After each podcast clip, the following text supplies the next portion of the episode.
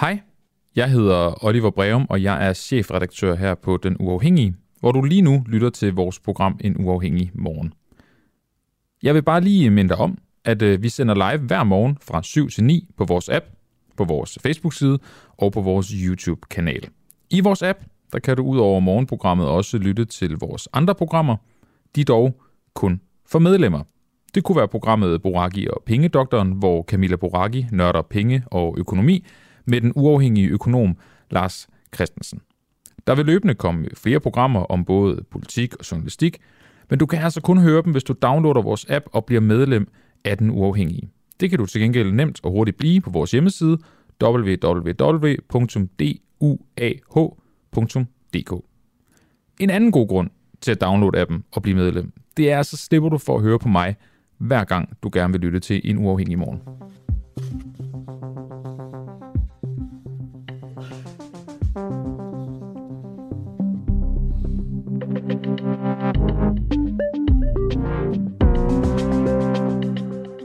Jeg vil sige, at Alternativet har tydeligvis hele tiden været for en advokatundersøgelse. Det er helt klart min fejl, at jeg øh, dagen efter valget øh, ikke havde sovet nok, blev, øh, blev mødt af en journalist fra, øh, fra JP, som spurgte ind til det her, og lige der, der må jeg indrømme, at jeg var ret meget videre fra min advokatundersøgelser. Jeg synes, valgresultatet ligesom havde skabt en ny spilleplade, men det var der ikke... Øh, det var der ikke opbakning til i mit parti og i min nye gruppe, og det lytter jeg selvfølgelig til. Og så må jeg bare erkende, at jeg var for hurtigt ude, så øh, Alternativets øh, officielle holdning er den, det også var før valget, at vi får en advokatundersøgelse. Ja, yeah. Alternativet er åbenbart tydeligvis stadig for en øh, advokatundersøgelse. Det kunne man måske godt diskutere, hvor tydeligt det er. Efter en dobbelt kovending i øh, sidste uge. Onsdag sagde de, at sagde Francisco Rosenkilde, at partiet nu ikke længere vil have den her advokatundersøgelse. Fredag morgen siger hun, at det var hendes personlige holdning, og at øh, det ville de nu gerne alligevel. I sidste uge havde vi et par øh, skuffede alternativvælgere med, og nu har vi øh, nogle flere med i dag, lige om lidt faktisk, til en snak om, øh, om skaden så er sket. Eller der måske er noget, hvad skal man sige, befriende i, at det er okay at, at fejle. Det er jo også øh, ovenpå et valg, hvor jeg har indrømmet, at jeg stemte på, på partiet, og jeg synes da ærligt, at øh, den stemme ser enormt dum ud. Det gjorde den så... Øh, så ret hurtigt efter valget. Men øhm, det bliver vi klogere på sammen med nogle af, af dem, der har stemt på Alternativet i løbet af i dag. Og kl. 8.30, der har vi så Francisca Rosenkilde med her i, øh, i programmet. Et, et interview, jeg glæder mig rigtig meget til. Derudover så kan du også se frem til, at vi stiller spørgsmålet, om det overhovedet giver mening at stemme personligt. Og det gør vi, fordi der er jo nogle politikere, der til det her valg har fået enormt mange personlige stemmer. Flere tusind. Og ikke er kommet ind. Men valgsystemet er så lavet sådan, at der er andre politikere, der har fået langt under 1000 stemmer, der så er kommet ind. Giver det mening? Det diskuterer vi faktisk både med Esben Schøring, der er politisk redaktør på Altinget, men det gør vi også med nogle af de politikere, der netop, netop har fået mange stemmer og ikke er kommet ind, og nogle af dem, der har fået meget få og er kommet ind. Godmorgen og velkommen til alle sammen til øh, en uafhængig morgen. Mit navn det er Oliver Breum. Og øh, vi lægger ud med at sige godmorgen og velkommen til dig fra øh, Stenthold. Godmorgen. Projektleder og øh, en af de øh, alternative vælgere, der, der valgte at stemme, for, øh, stemme på Alternativet, sjov nok. Øhm, Frej, vi øh, havde dig med i sidste uge, hvor du var ret skuffet, eftersom at du valgte at stemme på Alternativet modsat enhedslisten, som du øh, plejede eller havde, havde tænkt over at stemme på. Øh, og det mm. gjorde du netop på grund af den her advokatundersøgelse. Du var øh, selv sagt skuffet over, at de så havde droppet den. Nu er de så vendt endnu en gang. Det er en dobbelt, dobbelt kovending, vi er ude i her. Ja. Øh, men er skaden sket for dig?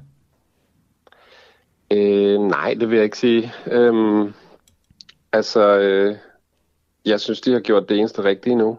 Øhm, og jeg tror, de har reddet øh, skinnet på næsen, eller hvad man siger, mm. i 11. time. Øhm, altså sådan har jeg det i hvert fald, fordi jeg, jeg nu ved jeg godt, at, øh, at forklaringen lidt lød, at de havde konstitueret sig i gruppen og sådan noget, øhm, og at der ikke var opbakning øh, i Folketingsgruppen til Franciskas udmelding. Men jeg føler, at det også har haft en indflydelse, at der har været råbt op fra, øh, fra vælgerhavet. øh, og, og det kan jeg rigtig godt lide. Øhm, selvom de måske ikke siger det så direkte, så føler jeg, at de har lyttet.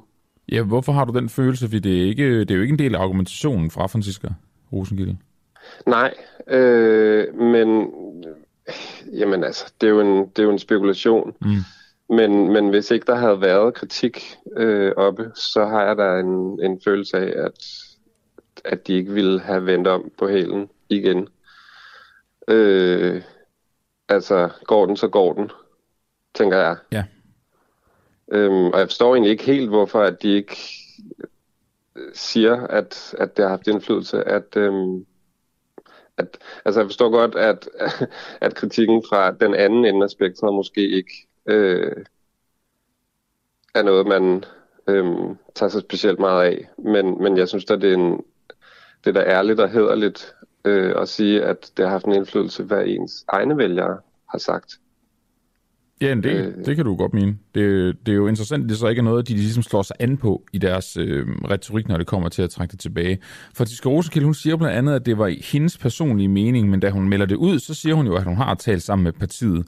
Øhm, og hun siger jo også til TV2, det klip, jeg spillede lige før, at øh, det, det er tydeligt, at det er Alternativets holdning, at der skal laves en advokatvurdering eller undersøgelse, eller hvad, hvad de nu kalder det. Ja. Den håndtering og de ord, hvordan synes du, det passer på, på den måde, de har, de har grebet den på? Jamen, jeg, jeg synes jo også, det er tydeligt, at det er deres holdning, fordi at det var jo, øh, så vidt jeg ved, alle kandidaternes holdning op til. Øh, inklusiv hende selv.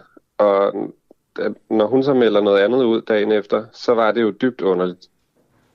Øh, så, så det har jeg stadig faktisk lidt svært ved at forstå, mm. hvad det skyldes. Men altså, jeg ved godt, der foregår alle mulige forhandlinger bag, øh, bag tæppet lige nu. Øhm, og måske har hun også ret i noget af det, hun siger med, at hun havde, ikke havde sovet særlig meget, og fik en indskydelse, eller jeg ved det ikke. Øh, men, men, men os, der stemte blandt andet på grund af den sag, på grund af deres holdning til den sag, synes jo, at ja, det var tydeligt, at det var deres holdning. Så, så det må man jo give hende ret i nu. Mm. Øh, og så bare sige, at, at det var mærkeligt, det der skete. Er, øhm, er, er vi ude i, at det så nu også er okay, hvis de fejler igen? Altså, fordi de prøver også at sælge en retorik, der hedder, at vi er et parti, hvor man godt tør indrømme fejl, og, og, og vi retter, retter ind alt efter bla bla bla, og så videre, og så videre.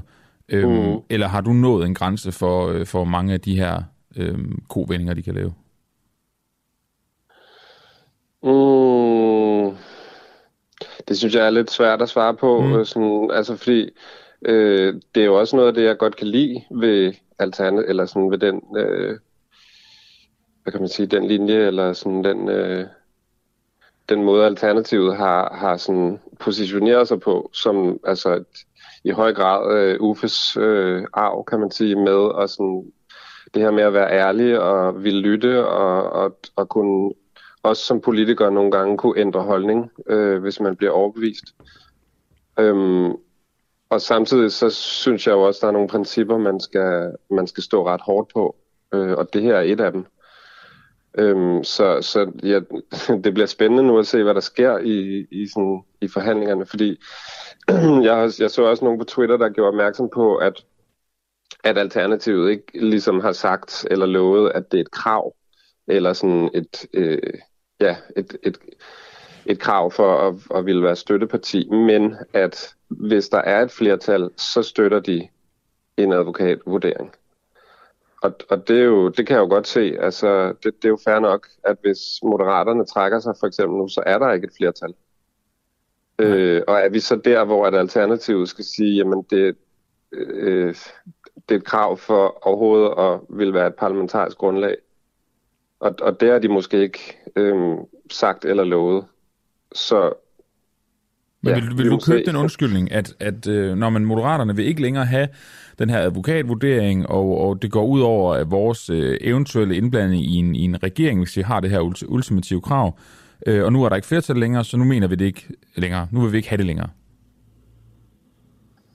Mm, det er vel ikke et spørgsmål om ikke at ville have det længere, men, men altså, jeg synes jo, det ville være kæmpe sejt, hvis de var sådan der... Øh, det er et krav for os, mm. for at kunne støtte en regering, fordi at, øh, at øh, en eventuel regerings legitimitet som lige nu er S, afhænger af at få det her øh, ud af verden og undersøgt til bunds.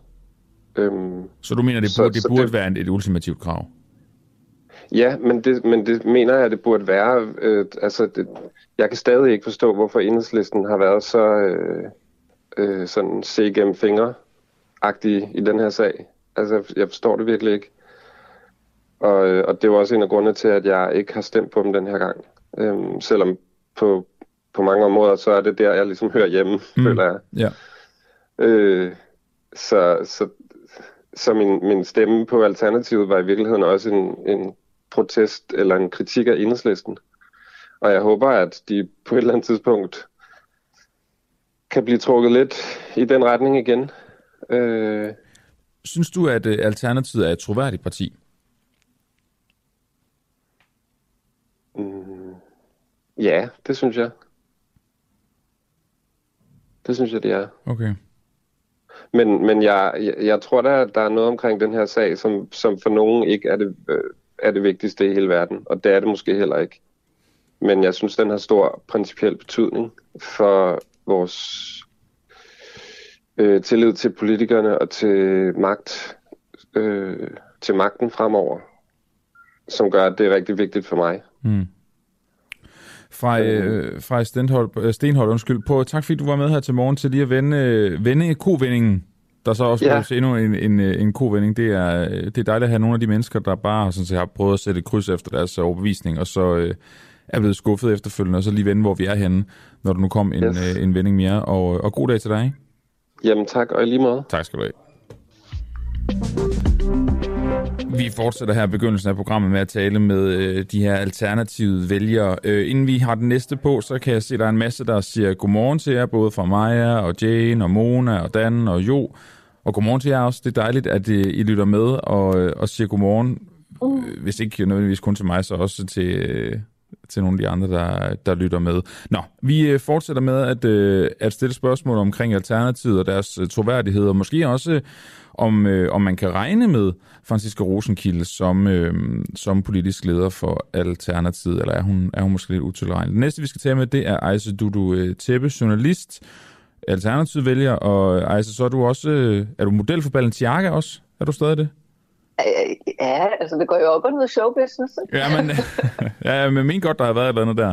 Det er det, skal ja. mærke. Nå, altså det, det, det, det, er det er jo nummer to, det skal handle om lige nu i hvert fald, det er, at du har stemt mm. på Alternativ. Du var med i debatten i, i torsdags, hvor du faktisk også gerne øh, ville have talt med, øh, med mm. eller til Franziska Rosenkilde. Det endte med at blive en ordentlig ja. overhaling til både, øh, ja egentlig også Alternativet, men så også Enhedslisten. Du, du tog dem, der nogle gange var inde i studiet. Ja, og øhm, måske bare politikere i det hele taget. Ja, det kan også være det der, det der vi var. Ej, så du, du til, øh, er det færre fejle, som Alternativet har gjort i, øh, i den seneste uge? Ja, altså det, det, det, det er mærkeligt, at vi har sådan en ting om, at øh, det er kun mennesker, der fejler, men ikke politikere. Altså det, det er meget, meget underligt, der skal være sådan en... Altså vi er jo alle sammen først og fremmest mennesker, så derfor fejler vi jo alle sammen. Så, så jeg synes ikke, det er sådan jeg, jeg synes, det der er vildt i det, der er sket nu her, det er, at der er en, der faktisk går ud og siger, at det er det, der er sket. Mm. Der er mm. sket en fejl. Øhm, ja. så, så, så, så det er jo noget nyt. Altså, jeg glemmer jo aldrig øh, Mette Frederiksen, da hun stod øh, til et af de her famøse pressemøder og sagde, at der ville blive gået øh, fejl. Ikke? Og når man så spørger, jamen, hvilke fejl? Det bliver jo aldrig indrømmet, men her er der faktisk en, der går ud og siger, at ja, jeg har begået fejl. Ikke? Mm. Og det er jo egentlig... Øh, det er jo, øh, altså det burde jo være det mindste, man kunne indrømme ikke, til at starte med, når man har begået fejl. Så du synes ikke, skaden er sket for, for partiet? Ikke for selve partiet, vil jeg sige. Nej. Øh, jeg vil ikke sige, det er selve partiet. Øh, det, det er jo et menneske, kan man sige, der har øh, truffet en beslutning, som måske ikke er blevet vendt i Folketingsgruppen og så har Folketingsgruppen været sådan, ah, det er sgu ikke sådan, vi har det. Eller sådan, vores vælgere har det. Og der, der synes jeg også, altså, at, øh, at man må give dem, hvis de også har lyttet til deres vælgere derude, som også har været sådan her, hey, det er altså ikke, altså, det er ikke okay, det I gør. Og man kan jo sige, at de lægger sig jo meget godt op af den politiske kultur, som de jo egentlig øh, ikke er blevet valgt ind på, men som var grundlaget for at starte øh, alternativ, det var jo, de ville en ny politisk kultur, og det kan man jo sige, de lever op til i det her tilfælde. Ikke? At, at de lever op til deres, i hvert fald deres egen kultur. Om de så lever op til en ny politisk kultur, det ved jeg så ikke. Men, men du siger det her med, at det, det er en person, det er jo ikke hvilken som helst, det er deres politiske leder, der jo går ud mm. onsdag, trækker noget tilbage, som partiet i ja, siden juli måned har, har slået så hårdt på, i hvert fald der skulle være den her advokatvurdering. Ja, ja. I, i, I svaret til det siger hun også, øh, jamen jeg har talt sammen med gruppen, ja, øh, og, mm. og, og det, vi vil ikke have den længere. Det viser så, at det er så kun Torsten Geil, hun har talt med. Det er så den nye fortælling, vi får. Når hun så rent ja. faktisk sætter sig ned med gruppen, så finder hun ud af, hov, det jeg sagde som politisk leder, det var ikke noget, jeg mente alligevel. Ja. Men altså, der kan man jo så sige, at, at, at øh, man må sige, alle dem, der er kommet ind i, øh, i Folketinget fra Alternativet, der er der kun en, der har siddet inde i selve Folketinget, og så kommer alle ind og er fuldstændig nye. Men man kan jo sige, Franziska Rosenkilde, uden at kende så meget til hendes baggrund, øh, så har hun jo alligevel noget politisk erfaring, så hun kommer alligevel ind og kender, altså jeg ved ikke, om man, man kan sige, at man kender spillet, men, men altså, fordi jeg kan jo se, øh, sidenhen har folk jo sådan, især inde i den her Twitter-boble, nogle af os journalister også lever inde i, at, at, at, at det var jo et strategisk godt træk, hun lavede ved simpelthen at droppe, øh, droppe det her øh, droppe det her løfte, ikke? fordi så vil de kunne få mere politik igennem. Ikke? Mm. Så jeg forstår jo godt, hvad det er, hun har vilje med det. Men, øh, men, men nu er hun jo, altså, man kan jo sige, jeg, jeg tænker også med alternativet, det der med at have en politisk leder, jamen det, det betyder ikke, at der er topstyring i, politi- i partiet, og det, det, det synes jeg også i hvert fald det her forløb har vist, i hvert fald det, de går ud, eller det, som Franziska Rosenkilde går ud og melder ud, mm. jamen prøv at høre her, jeg har ikke den magt, som en normal politisk leder vil have. Øh, og det synes jeg jo også, der er noget fedt i, ikke? at der er jo et eller andet i, at der sidder en folketingsgruppe og hvor hun bliver nedstemt. Ikke? Hvor tit ser vi egentlig det i dansk politik? Jeg, jeg synes, jeg har en idé om, at tingene er meget topstyret i dansk politik. Ikke? Jo, det, det har jeg også, men, men det, og jeg tror, jeg har så også et billede af, at det ser vi, fordi at så er der ligesom rene linjer, og så ved man, hvad man ligesom får, hvad man kan regne med. Jeg kunne godt ja. frygte oven på det her forløb, at det, jeg siger ikke, den er præcedens, men alligevel, mm-hmm. at alternativet bliver lidt ligesom sidst, de, de kom ind, at det hele er sådan lidt rodet og forvirrende, og der er ikke rigtig sådan helt styr på linjerne, og, og dermed så kommer partiet, i stedet for til at fremlægge politik, til at rode rundt i sådan noget som, som det her. Og når det så begynder, altså dagen efter, morgen efter valget, mm. så er jeg som vælger af dem, på dem, enormt træt af den stemme. Det må jeg bare indrømme. Mm. Ja, men, men, men vil du, altså, hvad, hvad, jeg tænker øh, sådan her, vil du hellere have et parti, hvor du har medlemmer, der er uenige og kan gå ud og udtrykke den uenighed, eller vil du hellere have et parti, hvor der, der er øh, medlemmer, der, der reelt set måske går imod det, de selv mener, man gør det, altså så mm. skal bøje nakken på grund af, at øh, det her, det er, hvad, hvad partiets top har besluttet. Men er der ikke forskel ja. på at, at, at have uenighed, og så i stedet for at have lagt en linje, og så gå direkte i, imod den? Altså, der må jo godt jo. være uenighed. Der kan, præcis, men, men, men jeg tror, den linje har de jo Alternativet jo egentlig stadigvæk forhåbentligvis stået indenfor, men så er der ligesom et menneske, som, som, som er gået bort fra den linje, som mm. tilfældigvis så også er den politiske leder, og det er jo, altså, det er jo skide dumt. Man kan jo ikke, jeg, jeg, jeg kan ikke sige det anderledes. Det, det er skide dumt, og det, det skulle bare være klappet af, og man kan jo sige, jeg håber da, at de fremadrettet har lært, okay, altså, øh, de, de er jo nok nødsaget til at have nogle mennesker til at hjælpe dem med i et eller andet forstand det der med, at vi kan ikke bare gå ud og sige, at vi bliver nødt til at tale om tingene, før vi går ud og, og laver meldinger, eller før i hvert fald vores politiske ledere går ud mm. og siger sådan, sådan, sådan. Og så må de jo kigge på deres, eget, øh, deres egne valgløfter og så videre. Ikke? Jeg, jeg synes, det er sådan jeg er jo meget glad for det her, der er sket. Ikke? Og andre, de er jo sådan, det, det er skide dumt, det der er sket. Altså sådan, at øh, nu backtracker de igen. Altså, de slår jo rekorder i det der parti. Ikke? Jo, jo. Og, og, og der er jo en masse af de kloge mennesker, der bare sådan, det er det dummeste, de kunne have gjort, og så videre, og så videre, hvor jeg sådan lidt, jeg, ved, jeg skulle ikke, altså, jeg, jeg, synes, jeg, jeg synes, det udstiller meget godt, øh, altså, at, at hvis man virkelig gerne vil klare det inden for Christiansborg, ikke, så, skal man, øh, så, skal man, så skal man jo basically bare bryde sine løfter til sine vælgere. Det, det, det er den eneste måde, du kan få politik igennem på. Altså, så hvad vil du have? Vil du have din integritet, eller vil du øh, altså, bryde dine løfter? Ikke?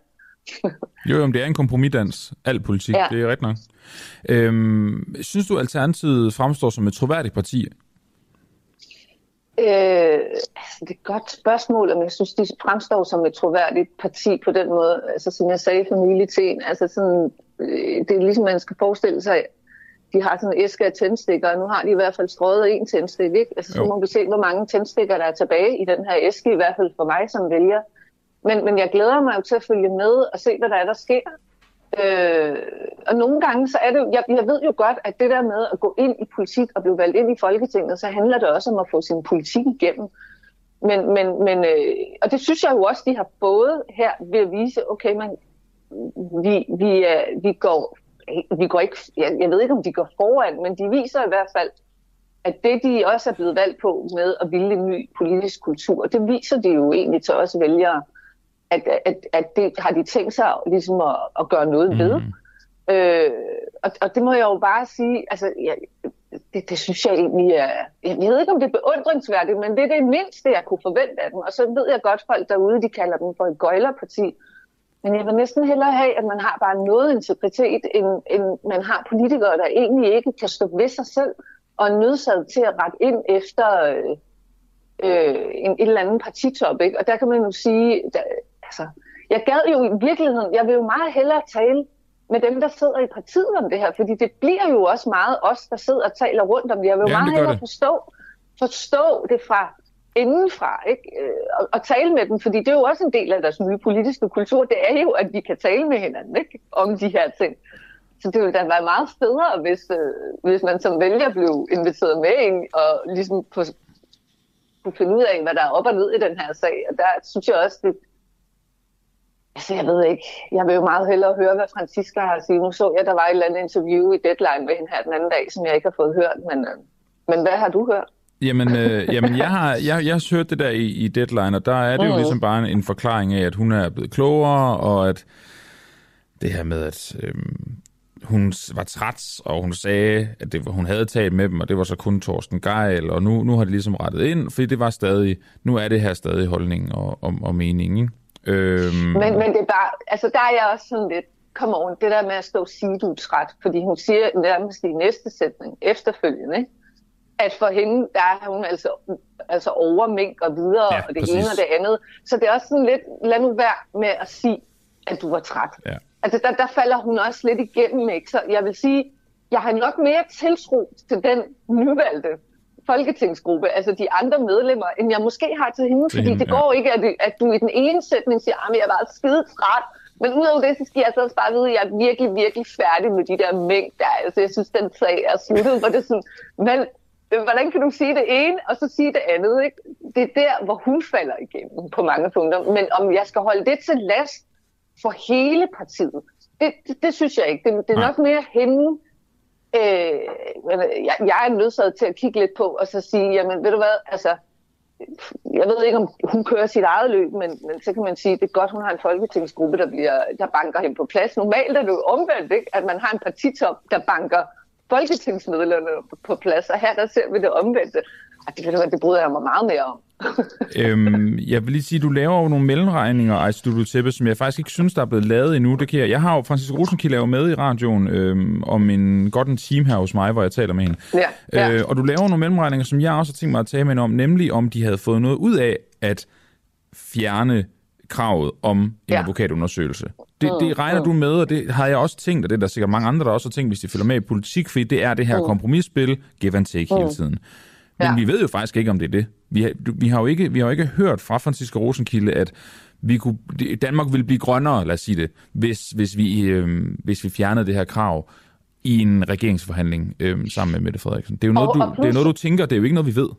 Nej, nej, altså, jeg har jo tænkt sådan her, du, du går ud og fjerner et, et, et krav, inden du overhovedet er gået til forhandling. Mm. Vil det så sige, at du allerede har talt med Mette Frederiksen. Ja. Altså inden for de 13 timer, fordi det er jo 13 timer senere, at, at den her udmelding kommer om, at, at nu fjerner Franziska Rosenkilde kravet. Ja. Lad os lige sige, det er hende, der fjerner kravet. Det er ikke selve alternativet, der fjerner kravet. Og spørgsmålet er, hvad har hun så lavet af aftaler med øh, de andre partier, eller hvad har hun lavet af aftaler med Socialdemokratiet i den her sådan, i, i løbet af de her 13 timer, fordi jeg tænker jo igen, det, det er jo også det der strategiske i det her, du skal jo have noget at gå ind og forhandle med, ikke? Mm.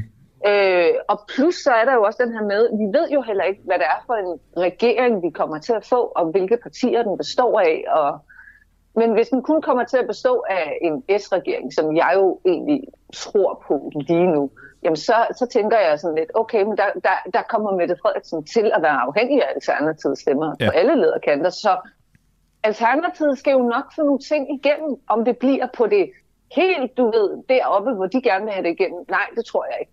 Men, men, men hvem får egentlig også alt igennem i dansk politik? Det er der jo ikke nogen, der gør. Øhm, Nej, det ville så, være et urimeligt krav.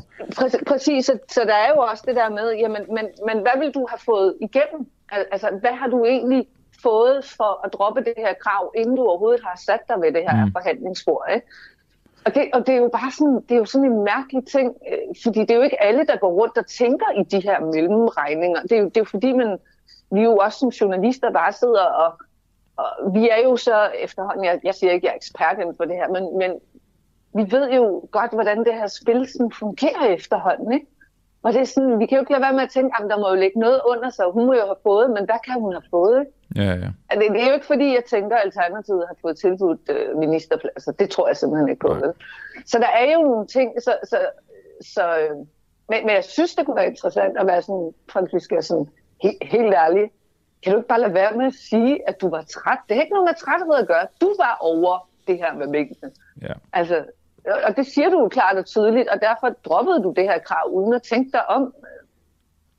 Men altså, jeg ved, jeg ved sgu ikke, hvad der er efterhånden, altså op og ned. Altså, det ved, hvad tænker du? Jamen, jeg tænker, jeg, jeg synes, det virker som om, at øh, hun tænkte, de stod bedre i forhandlingerne. Det er da mit gæt. Ja. Hun tænkte, ja. at de kunne få mere politi igennem, hvis hun droppede det her, og der var ikke så meget... Det, folk var videre, der var over 60.000, der stemte på Mette Frederiksen. Det var ligegyldigt. Ja. Øhm, og så ville vælge noget, noget andet, ikke? Øhm. Men, men det er jo også det der med, ja, det kan godt være, at der er 60.000, der har stemt på, på, på Mette Frederiksen, og, og so what? Jeg synes også, hele den der forklaring, hun havde, fordi de havde jo egentlig, det er jo det, der er ret interessant ved det her forløb, det var jo, der var jo egentlig en ret sådan, de havde jo en forklaring på, hvorfor de har droppet det her, det, det her løfte øh, derude. Mm. Så jeg, jeg synes, det er fint, at øh, Rosenkilde går ud og tager det hele på sin kappe og nødsaget til at lægge sig fladt ned og bare sige, der gik jeg ud og sagde noget, som, som jeg simpelthen ikke havde klappet af med min øh, folketingsgruppe øh, overhovedet. Og der kan man jo sige, der, der tror jeg, hun også har lært den her lektie, der bare hedder træd varsomt. Altså, det kan godt være, at du er nyvalgt politisk øh, leder øh, for Alternativet og kommet ind og fået den her magt, men lad nu være med at lade den stige dig til hovedet. Altså, fordi du har en folketingsgruppe, der er egentlig er stærkere end dig. Ja. Og det er jo det, jeg synes, der er interessant ved hele det her. Ikke? Øhm, jo. Altså, du til lige her til sidst nu, nu, ja. nu fik du ikke muligheden for at, at tale med Franziska Rosenkilde mm. i debatten. Vi prøvede faktisk allerede sidste uge at sætte øh, nogen fra Alternativets folketingsgruppe op med, med vælgere som dig. Det kunne heller ikke lade sig gøre. Nu har vi så mm. Franziska med senere på morgenen, så lige her til allersidst, mm. og også gerne øh, lidt kort, vil jeg godt høre, hvad vil du gerne have spurgt Franziska Rosenkilde om, hvis, øh, hvis vi kunne have faciliteret det? Jamen, jeg vil bare have spurgt hende om, sådan, jamen, men, men hvorfor? Hvorfor, Franziska? Mm. Hvad, hvad, hvad, og, du ved, hvor, hvorfor, og hvad har, hvad, har, hvad har du egentlig fået ud af det her i sidste ende? Ja. Jeg, jeg synes, vi skal holde det. Altså, jeg har det der med, at man ikke har kunne få fat på de andre folketingsmedlemmer. Altså, der er jo en god, god forklaring på det, fordi de har jo været dybt uenige om det her, og pludselig også oplever, igen så er det også det der med, at de kommer ind som nyvalgte, de har ingen erfaring. Det, det er, øh, lad os sige, bare storpolitik, de kommer ind i. Mm. Men, men omvendt, så vil jeg også bare gerne sige, uden at vide, om jeg har ret eller ikke har ret, altså har I også lyttet til os vælgere derude? Det, det kunne jeg egentlig godt tænke mig at høre. Har I egentlig lyttet til os vælgere, der har været sådan her, det her, det er ikke okay? Øhm, Altså, jeg prøver at se, om jeg kan øh, få det med videre. Prøv, prøv at spørge, om der jeg er prøver. den her vælgerinddragelse fra, fra deres side, ligesom I kan have lytterinddragelse. Jamen, har de så det samme, ikke? Jeg, prøver, jeg har mange gode spørgsmål til en, synes jeg. Jeg prøver at få dem alle sammen med. Ejse Dutte Teppe, tak fordi du er med her til morgens journalist, øh, alternativ vælger, og når det går op, model for Balenciaga. Var ikke sådan, var ikke sådan det var? jo. God, god mandag morgen. Tak lige måde. Tak. Hey. Hey. hey. Nu holder vi lige en pause fra Alternativet. Der var også en af der skrev, øh, det lyder som, at øh, de er det mest betydningsfulde øh, parti i Folketinget. Det er de jo ingenlunde. De har øh, seks mandater Alternativet, men derfor er et løftebrud, og så et øh, så eklatant og meget øh, tidligt løftebrud, jo ekstremt spændende at, øh, at berøre. Men nu har vi Franziska Rosenkilde med om øh, ja, nærmest præcis en time, og det gør jo, at... Øh, at vi for alvor ligesom kan, kan få taget snakken om, om det her. Lige om lidt, så skal vi videre med noget andet, men inden da, så vil jeg øh, gerne komme med en lille opfordring til øh, dig, der lytter med derude, eller måske øh, dig, der lytter med, der kender nogen. Fordi øh, her på, på Den Uafhængige, der er vi jo en meget lille redaktion af nogle enormt dedikerede, øh, jeg har lyst til at sige nærmest ildsjæle inden for, inden for journalistik, den kritiske og samfundspolitiske af slagsen.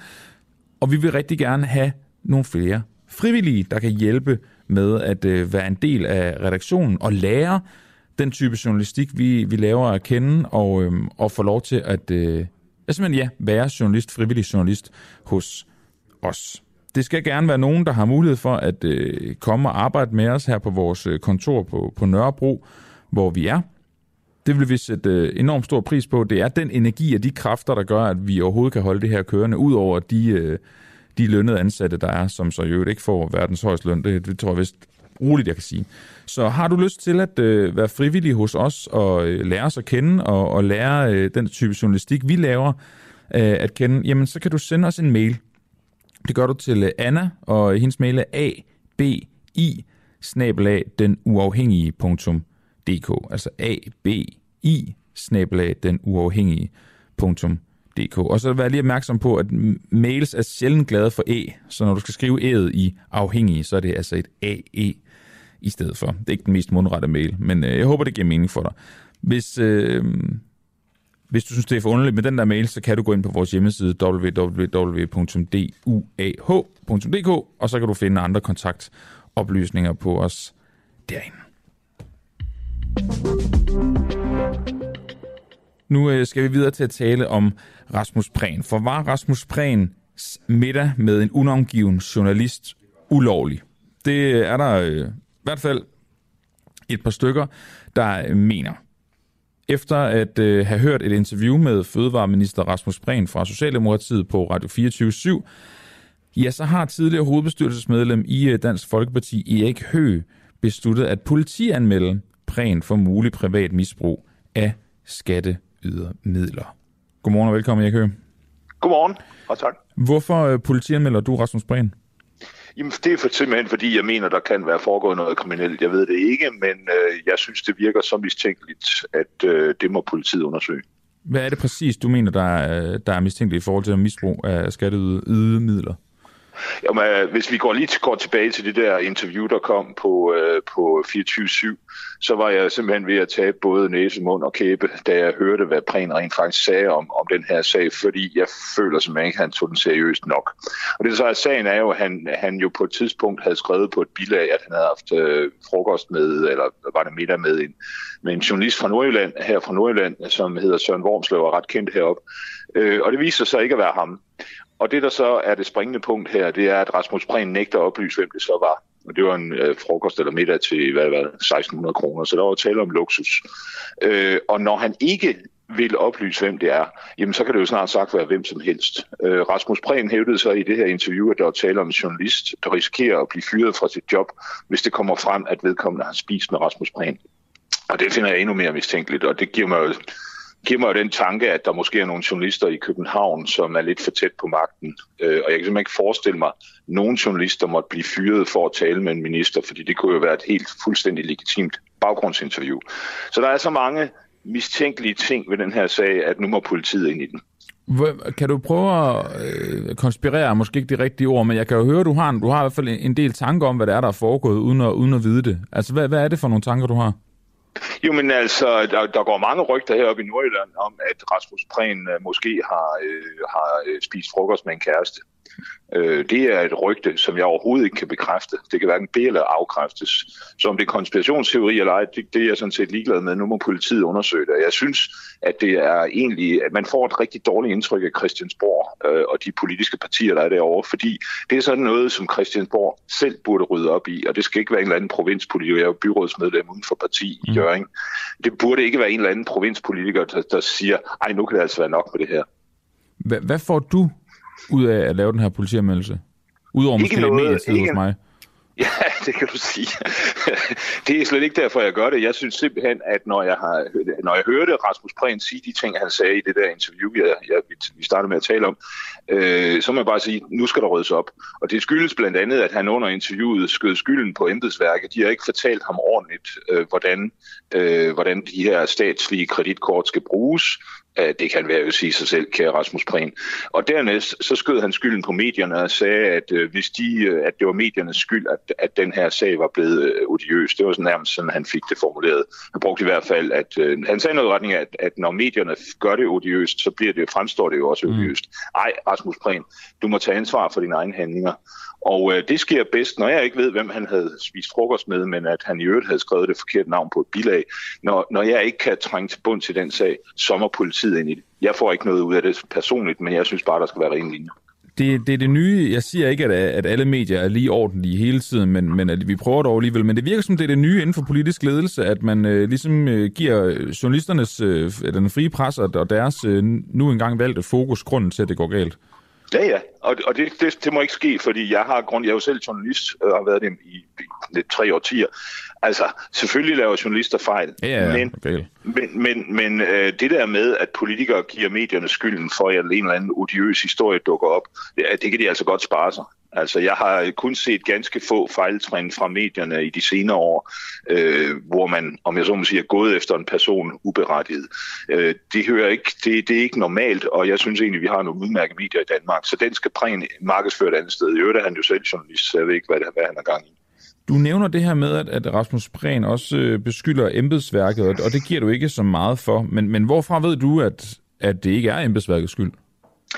Så vil jeg jo mene, hvis, jeg, jeg har en, en teori om, at hvis der var tale om en embedsmand, der decideret havde misinformeret præn om brugen af de her kreditkort, så ville den embedsmand jo skulle stå til ansvar for det. Altså jeg savner simpelthen placering af et ansvar. Hvis det er rigtigt, som præn siger, at han er blevet misinformeret, jamen så må der være en eller anden embedsmand, der er blevet disciplineret et eller andet sted. Mm. Øh, og det er der jo meget bekendt ikke. Så det lugter hele vejen rundt af dårlige åleglatte bortforklaringer fra Rasmus Prehn, og det giver jeg ikke noget for. Men vi har ikke nogen beviser på, at embedsværket ikke har fejlet den her sag. Jo.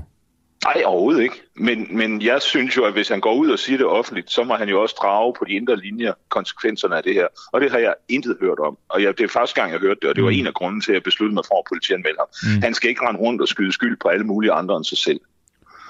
Synes du, Rasmus Prehn har, har ændret sig i, øh, i løbet af den her sag? Ikke måske så meget i løbet af den her sag, men jeg kender ham jo fra, fordi jeg har været folketingskandidat her i Nordjylland, så vi har haft øh, adskillige debatmøder sammen, hvor jeg i gamle dage kendte ham som en jovial fyr, man kunne have en snak med om øh, dette eller hint. Sådan er han ikke længere. Jeg mener, han har ændret sig. Han er blevet magtfuldkommen, øh, magtbegærlig, og, og jeg siger det lige ud, fordi det skal man i politik. Jeg synes, han har ændret sig som person, især efter han er blevet minister. Er det magtfuldkommen at, at, at bruge det forkerte kreditkort? Undskyld, det hørte Er, jeg er, ikke. det, er det magtfuldkommen at, at bruge det forkerte kreditkort? Ja, så mange, det synes jeg faktisk, fordi når han gør det så mange gange, så, har, så er han jo, som vi også nævnte, talte om før, enten blevet groft misinformeret, mm. eller også så har han bare lavet et hånd om, at det her er skatteydermidler, hvor man altså skal være lidt påpasselig med at købe luksusmiddag for skatteydermidler, når folk i øvrigt går og sutter på lappen i en, i en uh, inflationstid. Det der jo er, øh, nu ud over den her politianmeldelse, der giver også en anledning til, at- til at tale om sagen, det, det er jo sådan set skønt nok. Det der jo er rigtig spændende, synes jeg, det er, hvem det er, han har, har spist den her frokost med, og, og han så nu kommer med den her påstand om, at vedkommende vil blive fyret, hvis det kommer frem. Det gør det jo kun mere spændende. Hvem Det tror... lyder helt idiotisk. Undskyld, det lyder helt idiotisk. Altså, jeg kan ikke Ja, forestille mig, Nej, jeg bare for det lyder komplet og totalt idiotisk, og det var en af, endnu en af årsagerne til, at jeg tænkte, nu, nu må vi så prøve at finde ud af, hvem det er, og ingen er bedre rustet til den sag øh, efterforskning end politiet. politiet. Hvem, hvem, tror du, Prehn har spist med? Aner det ikke. Aner det. Jeg ved, jeg ved det virkelig ikke. Men jeg, jeg, jeg tabte både... Jeg, jeg, jeg tabte en del for Prehn, når han havde skrevet Søren Wormslev på, som jo er en kendt og respekteret journalist i Nordjylland, øh, på, på, på et bilag, øh, og han, han så derefter nægter at sige, hvem det er, han spist med. Altså det lugter hele vejen rundt af dårlige bortforklaringer. Og i øvrigt mener jeg, at, at alene som sagen står nu med alle de her uløste spørgsmål, så burde Prehn af, af egen drift være trådt tilbage som fungerende øh, fødevareminister. Det viser også lidt om, hvor magtfuldkommen han er, at han, han har lidt den der holdning med, at går den, så går den. Øhm, lige her til sidst, han, øh, han er jo faktisk blevet politianmeldt for misbrug af offentlige midler seks dage inden du gør det, af Anders Stenil, der er kandidat for K. Var du klar over mm. det? Nej, overhovedet ikke. Overhovedet. Slet, slet ikke.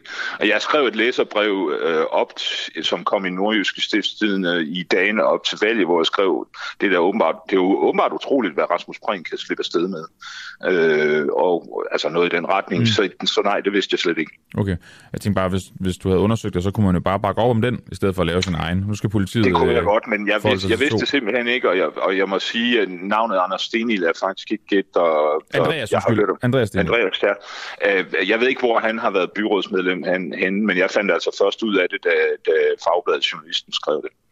Erik Høgh, tidligere hovedbestyrelsesmedlem i Dansk Folkeparti og ny byrådsmedlem i, Jørgen, var ikke det, du sagde? Ja, korrekt, øh, ja. Tak fordi du var med her til morgen til lige at gøre os yes. på din politianmeldelse. Selv tak. Ha' en god dag. I lige måde. Hej. Det er interessant med øh, Rasmus Prehn og øh, hvem det er, han har spist med. Og jo egentlig også hvorfor og, og hvad det var for en, øh, en frokost. Det er jo i hvert fald nogle spørgsmål, man kan tillade sig at stille, hvis du sidder under over det, når det viser sig, at han har brugt vores allesammens penge på det. Hvis det er en privat middag, så skulle han jo bare have brugt sit eget øh, dankort, så har der jo ikke været noget at gå efter overhovedet. Nå. Nu skal vi øh, videre til en ret interessant historie, som vi blev, gjort op, eller vi blev opmærksom på her på redaktionen i, i løbet af weekenden, nemlig at der lige nu er flere medlemmer af konservativ ungdom, blandt andet øh, øh formand for KU, Christian Holst Vigilius, der er i USA øhm, der simpelthen er i gang med at hjælpe den konservative republikaner Marco Rubio med at føre valgkamp til øh, det amerikanske midtvejsvalg. Hvorfor er det så interessant? Jamen det er det, fordi Rubio han er øh, imod fri abort, også når øh, det er graviditet, der kommer fra incest eller voldtægt.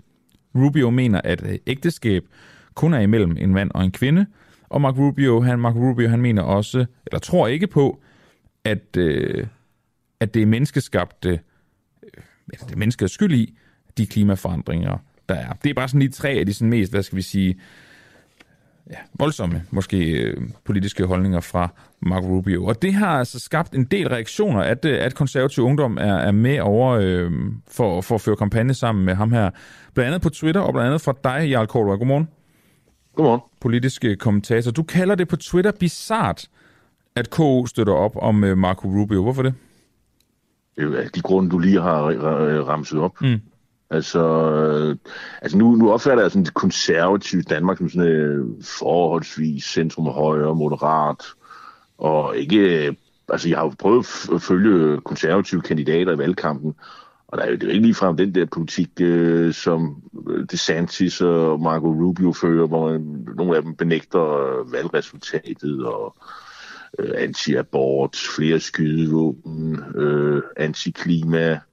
Øh, tværtimod har jeg set en masse, øh, nogle konservative kandidater slå på, øh, øh at uh, at klima, det skal vi tage meget alvorligt, og det, der er ikke nogen diskussion om, hvorvidt det er menneskeskabt eller ej, og sådan noget, og mm. det vil heller ikke tale som sådan noget venstreorienteret flip, øh, og det er den globale, globale elite, der har fundet på det og sådan noget. Så, så jeg, jeg undrer mig lidt over, at, man tager over og hjælper øh, en, en, en, en del af det, af, det, af, det, af det republikanske parti, som jo er øh, radikaliseret og Trump-agtigt.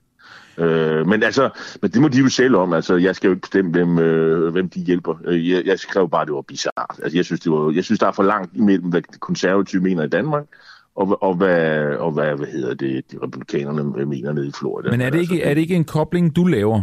de har jo ikke været ude og sige, at de støtter op om hverken fri, eller hvad hedder det, hans holdning til, til abort, eller ægteskab, eller, eller klima. Det er jo noget, det er jo noget du pådutter dem, der har taget afsted. Undskyld, undskyld mig. Jeg forholder mig til det, der står. Der står, de, de er nede og, og, fører, og fører kampagne. Hvad står der direkte i det tweet? jeg, jeg får den opfattelse af, at de hjælper ham, øh, mm. de to kandidater i deres øh, valgkamp. Øh, har, har jeg misforstået noget? Nå, nej, men jeg tænker bare, det kan jo være, at der var... Øh, altså, man behøver ikke støtte op om alt politik, jo. Det kan være, at de bare har... Jeg, jeg, synes, jeg, jeg, jeg, jeg, jeg, jeg, til, jeg forholder mig til det tweet. Øh, jeg, jeg, jeg, må, jeg bliver bibragt den opfattelse af, at de øh, deltager og støtter i hans kampagne. Det er mm. det, jeg forholder mig til. Mm. Og, der, og der ser jeg, det går nogle bizarre, det, det, de øh, støtter de, de synspunkter. Altså lige om lidt, så når der er republikansk flertal her på tirsdag, øh, så kortslår det republikanerne af USA's øh, klimapolitik, som Biden har fået og kommet op at stå. Øh, altså, det er jo sådan set et faktum. Øh, det, det synes jeg, og det er altså de synspunkter, som man promoverer og går rundt med, og, og altså, man tager en t-shirt på og hylder dem. Det er jo det, er jo det man gør. Altså, ja, så hvis, hvis man er en del altså, af kampagnen, så står man på mål for, for alt, der bliver sagt i forbindelse med, med den politiker, man støtter i hvert fald, de, jamen, jeg, jeg ved ikke, om du synes, du at klimapolitik er vigtig. Altså, er det, er det, er det, en, er det en dagsorden, som vi herhjemme går, går en del ud af? Jeg synes, det er fyldt enormt meget i vores valgkamp, øh, klima. Og, øh, og, det, og de, de støtter altså et parti nu, og nogle kandidater, som, mm. som øh, har tænkt sig at kortslutte det på, på tirsdag. Øh, men altså, det... Altså prøv at, jeg, jeg, jeg, som jeg skrev, jeg synes, det var bizart. Jeg har jo ikke sagt, at de ikke må tage ned og, og, og føre kampagne. Det skal de da være velkommen til. Altså, jeg, jeg sidder ikke og, og par fingre af dem. Det må de da endelig. Jeg har også været på studietur i USA. Jeg har også været ude og snakke med republikanere øh, og demokrater for den sags skyld. Det er meget, meget interessant. Jeg kan sandelig godt forstå, at de tager til Florida. Det er veldig, veldig spændende at deltage i kampagner, eller i hvert fald se, hvordan man gør og sådan nogle ting. Men, men, øh, men her, jeg forstår på KU-formanden, at de øh, hvad var det, han brugte de, øh, de ja, jeg vil indtryk, indtryk af, at de støttede dem. Men hvis han nu siger, at det var det slet ikke, så er det jo selvfølgelig en anden snak, men øh, så forstår jeg bare ikke, at han formulerer sig på den måde, han gør i de der tweets. Så skal han jo bare sige, at vi har været nede og øh, hvad hedder det, vi har studeret valgkampen, vi har fulgt øh, kampagnen, øh, det, er jo, det, er jo, det er en anden snak. Ja, men, men det, er jo, øh, det er jo også det, han er ude at sige nu, nu hørte jeg tilfældigvis et interview no. med ham i, i morges, det, han siger, at de er blandt andet ude at lære, hvordan man fører valgkamp derovre, for det gør man på en anden måde. Der handler det mere om, ifølge ham, nu er vi da ikke selv ja. nogen af os, Jarl, men, men ifølge ham handler det mere om at øh, få folk til at vælge at stemme, okay. end det gør at, at føre politik. Men, men kan man adskille de to ting? Altså? Øh, ja, man kan godt, man kan godt se ned og studere. Og det har jeg jo selv gjort mange gange, øh, senest faktisk øh, nu her for en måneds tid siden, øh, hvor vi også er nede og studere demokrater, republikanere og tage ud og på rallies og sådan noget. Nogle gange så tror de jo, man, man, man, man, er, man er at man støtter dem. Øh, det gør man ikke. Man går ned og ser, hvordan det oplever stemning og sådan noget. Men øh, jeg har ikke øh, tweetet, øh, hvor jeg støtter. Altså, det kan jeg i hvert fald ikke lige huske, jeg mm. øh, støttet. Men jeg har nu ikke sådan nogle kæmpe store problemer med at støtte en demokratisk kandidat, øh, vil jeg sige. Men, øh, men, men øh, det, hvis jeg har gjort det. Men altså, øh, jeg så det her tweet, øh, det der reagerer på. Jeg har jo ikke foretaget sådan en, øh, jeg har jo ikke ringet til dem og lavet en kæmpe artikel til Berlingske, hvor, hvor alle er diskussioner. Og Twitter er jo hurtigt medie, som de fleste ved. Det er en umiddelbar reaktion. Jeg kalder det bizarrt. Man kunne have kaldt det noget, noget lidt værre, vil jeg sige. Det var værre men, men, men, i hovedet måske. da du nej, det, nej, nej. Altså, altså, jeg synes jo grundlæggende, at konservative ungdom er nogle knaldperler, ikke? Så det, det, det er de jo ikke. Og, og, og, og det er jo ikke fordi, jeg ikke øh, synes, at der skal være plads til noget spral, når man er ung og har nogle vilde synspunkter og sådan noget. Jeg, jeg synes måske bare, det er sådan lidt øh, helt off i forhold til, hvor vi er i Danmark, sådan politiske. Og jeg kan jo også godt se, at der var jo en del, øh, der var også en del, der, der mente, jamen det er jo et øh, konservativt folkeparti har jo en, øh, en, øh, en relation til det republikanske parti, og det er jo fuldstændig korrekt. Altså det, og de siger, at det er jo rigtig borgerligt parti i modsætning til demokraterne, som jo er Venstres, og hvis også Socialdemokraternes legekammerater, øh, sådan formelt. Øhm, og øh, rigtig borgerlige, de støtter der op imod, øh, støtter der op omkring et, et rigtig borgerligt parti som republikanerne. Så, så man hører sådan lidt forskellige øh, udlægninger af det her. Øh, der er jo nogen, der går fuld, øh, øh, går all in på, på det her og støtter og så videre. Det, fint nok, jamen, så får vi jo det frem. Øh, men VK-formanden er gået fra at støtte det her, øh, og, og lade som om han er en del af den her kampagne til, at pludselig forklare det her i en studietur, mm. hvor de faktisk slet ikke rigtig deler nogle af de der synspunkter, og, og det handler om udenrigspolitik. Det synes jeg også er meget interessant. Altså, øh, republikanerne, nogle af de her republikanere, de er sådan set isolationister, og synes egentlig, at Amerika, Amerika skal trække sig fra alt muligt, og Europa skal faktisk bare sejle sin egen sø og sådan noget. Det, det synes jeg også er overraskende, hvis man som konservativ Danmark mener, at USA skal bare trække sig for det hele, og så fokusere på Kina. Øh, det, det, det er altså også nogle udenrigspolitiske synspunkter, de, de, de bakker op omkring. Det synes jeg også er meget, meget mærkeligt. Men altså, fred være med det. Det er helt fint. Det må ja, de selv om. Jeg er, ikke, jeg er ikke helt færdig med at tale med dig om det, Jacob øh, Men øh, selvom du siger fred være med det. Jeg, Christian Holst Vigilius har jo været ude og skrive på Facebook. Nu, nu bliver der mange sociale mm. medier lige pludselig bliver blandet sammen her. Men så, at, det er ham, der er ko-formand, er det ikke? Ja, det er nemlig formand for ja, konservative ja. Han siger, øh, at du med din, og nu citerer jeg, barnagtige opførsel på Twitter er med til ja. at skabe amerikanske tilstande i Danmark, og at øh, hans støtte, altså Christian Holst Vigilius, øh, ikke er ensbetydende med, at han er enig med Rubio i alt. Nu har jeg godt tænkt mig at spørge dig, gør du ikke et stort problem ud af noget, som man måske ikke skal lægge alt for meget i? Jeg kunne også spurgt, at det ikke lige meget, at en ungdomsformand for, for konservative, han er i USA for velkamp. Det betyder ikke rigtig noget for, for det, der foregår her i landet. Prøv at høre. Jeg har, jeg har i et tweet skrevet, at jeg synes, det var bizart. Mm. Og det vil sige, så det, man skriver, at og ser, reagerer på den her tweet og skriver, det er bizart. Mm. Det er, at jeg pludselig er og, og skærer mig fuldstændig åndssvagt på Twitter. Det er ifølge ham? Ja. Altså, så sker der godt nok mange åndssvage ting øh, hvor, på Twitter hver dag, vil jeg sige. Ja, hvis man altså, jeg, jeg, jeg, jeg, synes, jeg synes, det taler for sig selv. Ikke?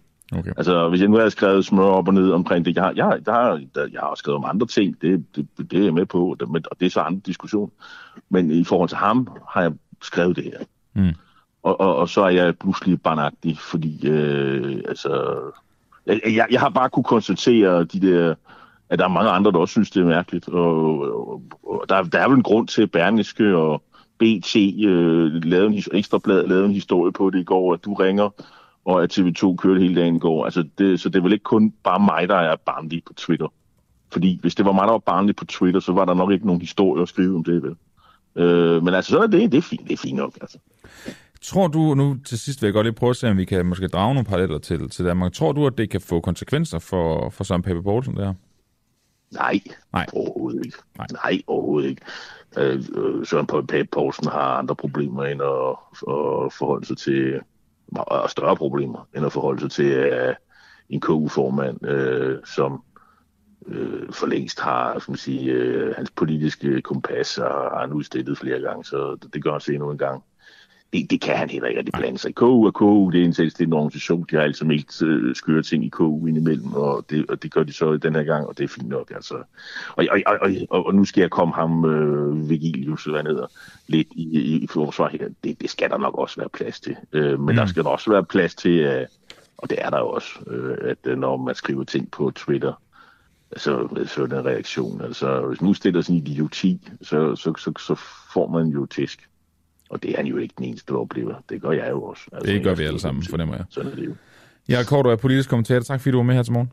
Velbekomme. Så kan jeg lige afslutningsvis sige, at der blandt andet er, øh, er fundet frem til, at der er en neonazist, der øh, også hjælper Marco, Marco Rubios øh, kampagne. Det er Daily Mail, der har, der har skrevet om det. Rubio han delte billedet af en øh, kampagnehjælper, som havde fået bank, og ifølge Rubio, på grund af at han havde en Rubio-trøje på, Senere kom det så frem, at manden var nynazist og er blevet set af flere i forbindelse med neonazistiske øh, demonstrationer osv.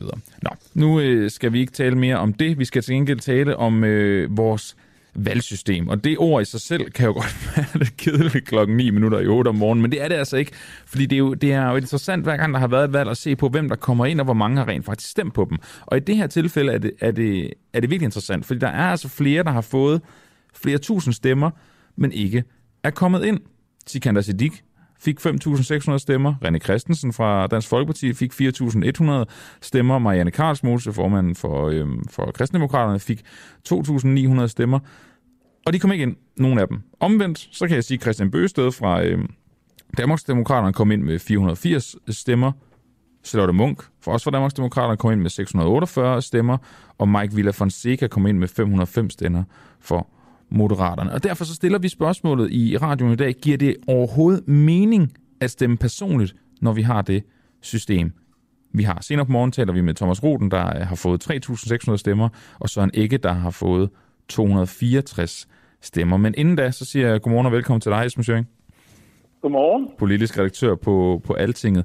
Esben Schøring, hvad er det gode ved det valgsystem, som det er nu, øh, siden vi tillader, at, øh, at der er, man kan komme ind med de her øh, relativt få stemmer, og man kan så øh, ikke komme ind med relativt mange stemmer? Jamen, ja, vi har jo noget at gøre med partistrukturen. Altså, vi har partier i Danmark, som, altså, kan man sige, det er partiernes andel af stemmerne, som først afgør, ligesom, øh, kan man sige, hvor mange mandater det enkelte parti har. Mm. Og så kommer de der tillægsmandater så ligesom øh, oveni. Det er jo er, er, til syvende og sidst et kompliceret system, som vi jo også så her på, på valgaftenen. Ikke? Så det har jo noget at gøre med, at vi har partier i Danmark, at det ikke bare er sådan en, øh, en, en, en personlig popularitetskonkurrence. Øh, ellers så, ja, så det, det, er jo, det, er jo, det er jo sådan, vi har valgt det. Mm. Øhm, er der ikke også noget med, at, at der er en, en geografisk eller arealmæssig betydning i forhold til dine stemmer, sådan at hvis du er i et område, hvor der bor mange mennesker, det kunne være Københavns Storkreds, så er din stemme ikke lige så meget værd i sidste ende, som den vil være i et mere affolket område i en, i en stor altså kreds i Jylland? Altså den der meget komplicerede, øh, hvordan på de der proportionalitet er regnet ud øh, mellem, mellem øh, valgkredse, det, øh, det, det, det, altså, der, der er jeg ikke lige så skarp med. Altså så vidt jeg ved, så er det ligesom sådan, at man tager det samlede antal stemmer og dividerer med 175, og så dividerer man derefter partiernes andele af det tal øh, af de 175 der, øh, øh, øh, og, og så regner man ud, hvor mange mandater de har øh, hver især. Ikke? Mm. Så det, altså, altså det er vel så, det er vel så, altså det er vel så retfærdigt, som det kan, som det kan, som det kan blive. Ikke? Altså når vi har, når vi har partier i Danmark, og jeg synes egentlig, at problemet, altså mm, det er noget af det, vi har diskuteret ved det her valg, har jo netop været om, altså, eller op til det her valg, øh, har jo været, altså om spærregrænsen i Danmark er, er så lav, øh, at det er for let at starte sit eget parti, sådan at partierne har sværere ved at lave indre koalitioner. Altså som for eksempel, at du ved, øh, hvis øh, altså at Inger Støjberg og Lars Løkke Rasmussen meget let kunne bryde ud af Venstre og stifte deres eget parti alene baseret på deres personlige popularitet, som de jo havde fået af at være øh, minister, statsminister i, i, øh, i Venstre, og at, øh, at de så i kraft af, af deres sådan, eksponering af personlig popularitet kunne, kunne komme øh, i øh, meget let i, i, i Folketinget. Ikke? At, det, altså, at det er fristende for politikere at stifte sådan et, et, øh, et parti, som grundlæggende set bare handler om den person, der har stiftet det. Ikke? Jo. Øh, altså, så jeg synes egentlig, hvad skal man sige, at når vi sidder og kigger på det der med valgsystemet, så synes jeg, det vigtige er egentlig, altså, at hvordan vi egentlig forholder os til det her med, at der er partier i Danmark, og at det er vigtigt, at der er partier i Danmark, fordi sådan, som det spørgsmål, det er et godt spørgsmål, du stiller, mm. ligger jo lidt op til, at det sådan er sådan, ja, at, det er bare, at vi bare står og vælger mellem individer, altså, pers, altså personer, som er, er gode til at være sig i, i, i, i, i offentligheden. Præcis, ikke? ja. Ja, og det, det, det, det, der ved jeg sgu ikke, altså vi så jo sådan lidt af det i Sjælland, hvor, hvor fordi at DF fik så, så lavt et stemmeantal på landsplan, havnet i en situation, hvor øh, René Christensen og Pia Kjærsgaard vi lige pludselig kunne kæmpe om kun et mandat. Der var kun et mandat til dem der, ikke? fordi mm. at, at øh, der var så få, der gad at stemme på DF til det her valg i det hele taget. Og, og der synes jeg ligesom, altså, altså, der var det jo, altså, der var det jo interessant, fordi at partiet selv jo helst ville have haft at det var René Christensen, der var kommet ind. Men nu blev det så Pia Kærsgaard, fordi hun jo er den mest kendte og måske også den mest ekstroverte af de to. Ikke? Og der synes jeg egentlig, altså hvad skal man sige, øh, der får man jo et eksempel på at se, men altså får vi et bedre demokrati af at få sådan nogen, der er meget gode personal campaigners ind, eller gør vi det med dem, der er dygtige til at arbejde med politik i partierne? Altså, men det er jo, altså meget politik er jo altså, nu skal jeg sige det, lidt kedeligt arbejde. Det er jo øh, at læse en masse papir, en masse tal, en masse lovtekst, øh, øh, øh, sætte sig ind i kompliceret stof og alt sådan noget. Ikke? Det er jo ikke bare at være til valg. Ikke? Men der er øh, også den, kan man, der er også den del af det, Esben, det gør noget, der, der er også den del af det, Esben Søring, som jeg øh, er ret sikker på, at I også ved, ved Altinget er interesseret i. Det her princip med, når det regner på præsten, så drøber det på dejen. Ikke? Altså, der kommer jo nogen ja. ind, især for Danmarksdemokraterne og Moderaterne, som jeg gætter på, vi er i hvert fald ekstremt nysgerrige på, hvem de er. Øh, ja. Dem her, dem her der, der får meget, meget, meget, meget få personlige stemmer, men som kommer mm. ind, fordi der er en kendt formand, øh, eller forkvinde, hvad det nu er. Er der ikke, er der ikke et, et problem, jeg ved ikke, om jeg kan, jeg kan mm. svinge det op til sit demokratisk problem, Men at, men at der bliver i hvert fald slæbt nogen, der kommer nogle folk ind, som ingen aner, hvem er, eller hvad de ja. står for, fordi men, de har men, en kendt formand. Ja, præcis. Og det er jo det der med, hvor man kan sige, det nye, vi har set rigtig meget ved det her valg, det er jo, altså det system, du taler om, det, det er jo fordi, at partierne kan få en stor stemmeandel af det samlede antal stemmer. Ja. Men, og det her, der har vi så lige fået ud at det er egentlig ikke partier så meget, som det er personer. Altså, Inger Støjberg er så populær som person, at hun kan udgøre, øh, at hun kan trække lige så mange stemmer, som et, et mellemstort øh, parti i kraft af dets historie og hvad det står for og alt sådan noget ville, ville, ville kunne. Ikke? Mm. Og det er det nye, og det, det er, øh, og som jo også er opbevaret af, altså specielt for Inger Støjbergs udkommende, hendes slagkraft på, på Facebook, ikke? Øh, som bare er helt vild. Øh, og det, det synes jeg også er, altså er, værd at diskutere, om det så lige er forhold til valgsystemet, det har faktisk ikke sådan, øh, det har jeg, egentlig, jeg har ikke set den vinkel øh, selv, men det er da rigtigt, at øh, i dag kan man blive så kendt og populær, at man kan være, at man kan, altså, at man simpelthen rent faktisk kan lave et parti på sin egen person, og så trække en masse folk ind på, på sin øh, forfrakkeskøderne, så at sige, trække dem ind over øh, grænsen. nu, det er da specielt. Nu, nu diskuterer vi også øh, i forbindelse med Alternativet, som vi, vi har Francisco Rosenkilde på lidt senere, hvor vi taler om, jeg talte tidligere på morgen med Ejse Dute Tippe, om, om topstyring og så videre. Det kan man mene om, hvad man vil. Men jeg har personligt tænkt, at i forhold til Moderaterne og Danmarksdemokraterne, så er det det eneste, der giver mening af topstyring, fordi i virkeligheden så øh, har Inger Støjberg, så er hun jo 14 mandater. Hun kan bare tilfældigvis kun have et. Ja, ja, ja. og så kommer der 13 andre, ikke? Præcis, og det kunne man jo se, hun havde tænkt over, fordi at Danmarksdemokraterne jo rent faktisk hedder Danmarksdemokraterne, bindestreg Inger Støjberg, mm. ikke? Jo. Øh, ja, og det bliver en kæmpe udfordring for, øh, for, for måske i virkeligheden især Lars Løkke Rasmussen, som har fået jo endnu flere kandidater ind, med, med, som ikke har, har nogen som helst parlamentarisk øh, erfaring overhovedet. Altså vi taler om folk, der ikke vil kunne finde knapsingen i første hug, når de kommer ind på Christiansborg. Ikke? Mm. Øh, og, og, og det vil sige, at de skal jo sidde og trænes og informeres og guides og vejledes øh, herfra i, i, fra nu, ikke? Øh, hele tiden. Så det sætter omvendt store krav til sådan en partistifter. Altså, hvis de vil overleve på lang sigt, så skal de altså være dygtige til at få sådan en folketingsgruppe til at fungere.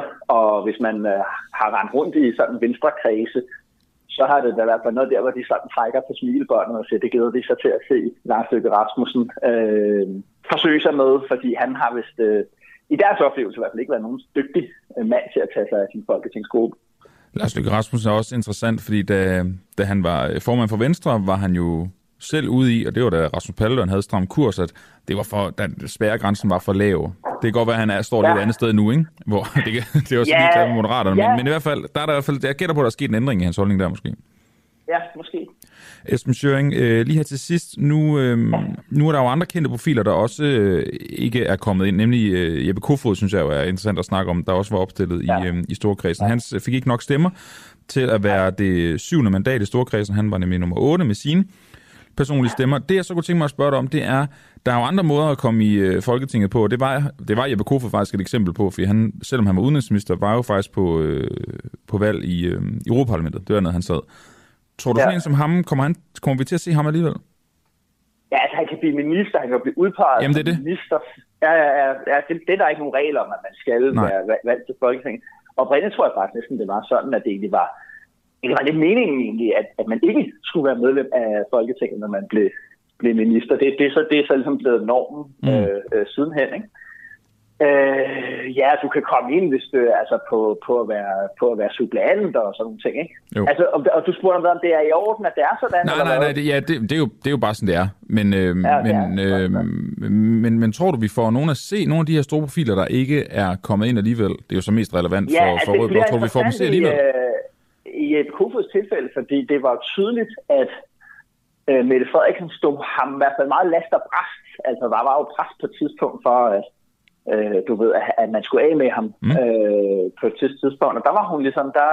Jeg ved ikke, om det så ligesom, og det tror jeg egentlig, det mest var sådan, at hun ikke ville lade sig diktere af hun ville ikke sådan gå ud og lave de der meget sådan, helt minister, øh, eller sætte et nyt ministerhold for at få noget nyt momentum, eller sådan noget, som, som, som nogle regeringer nogle gange. Hun ligesom holdt fast ved sine folk, ikke?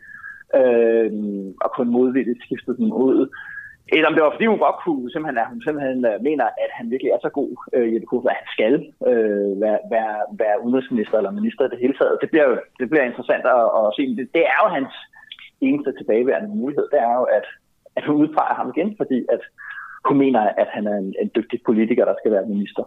Er der, øh, er der andre sådan store profiler, som, øh, som der kan være bedre efter at have fået øh, mange personlige stemmer, men ikke, ikke er kommet ind alligevel, som, som du ser det? Ja, der var øh, i, øh, altså Søren Ikke der, der kom ind. Han kom jo ind, fordi at, så jeg ved, at det eneste parti, som har den der sideordnede ja, opstilling.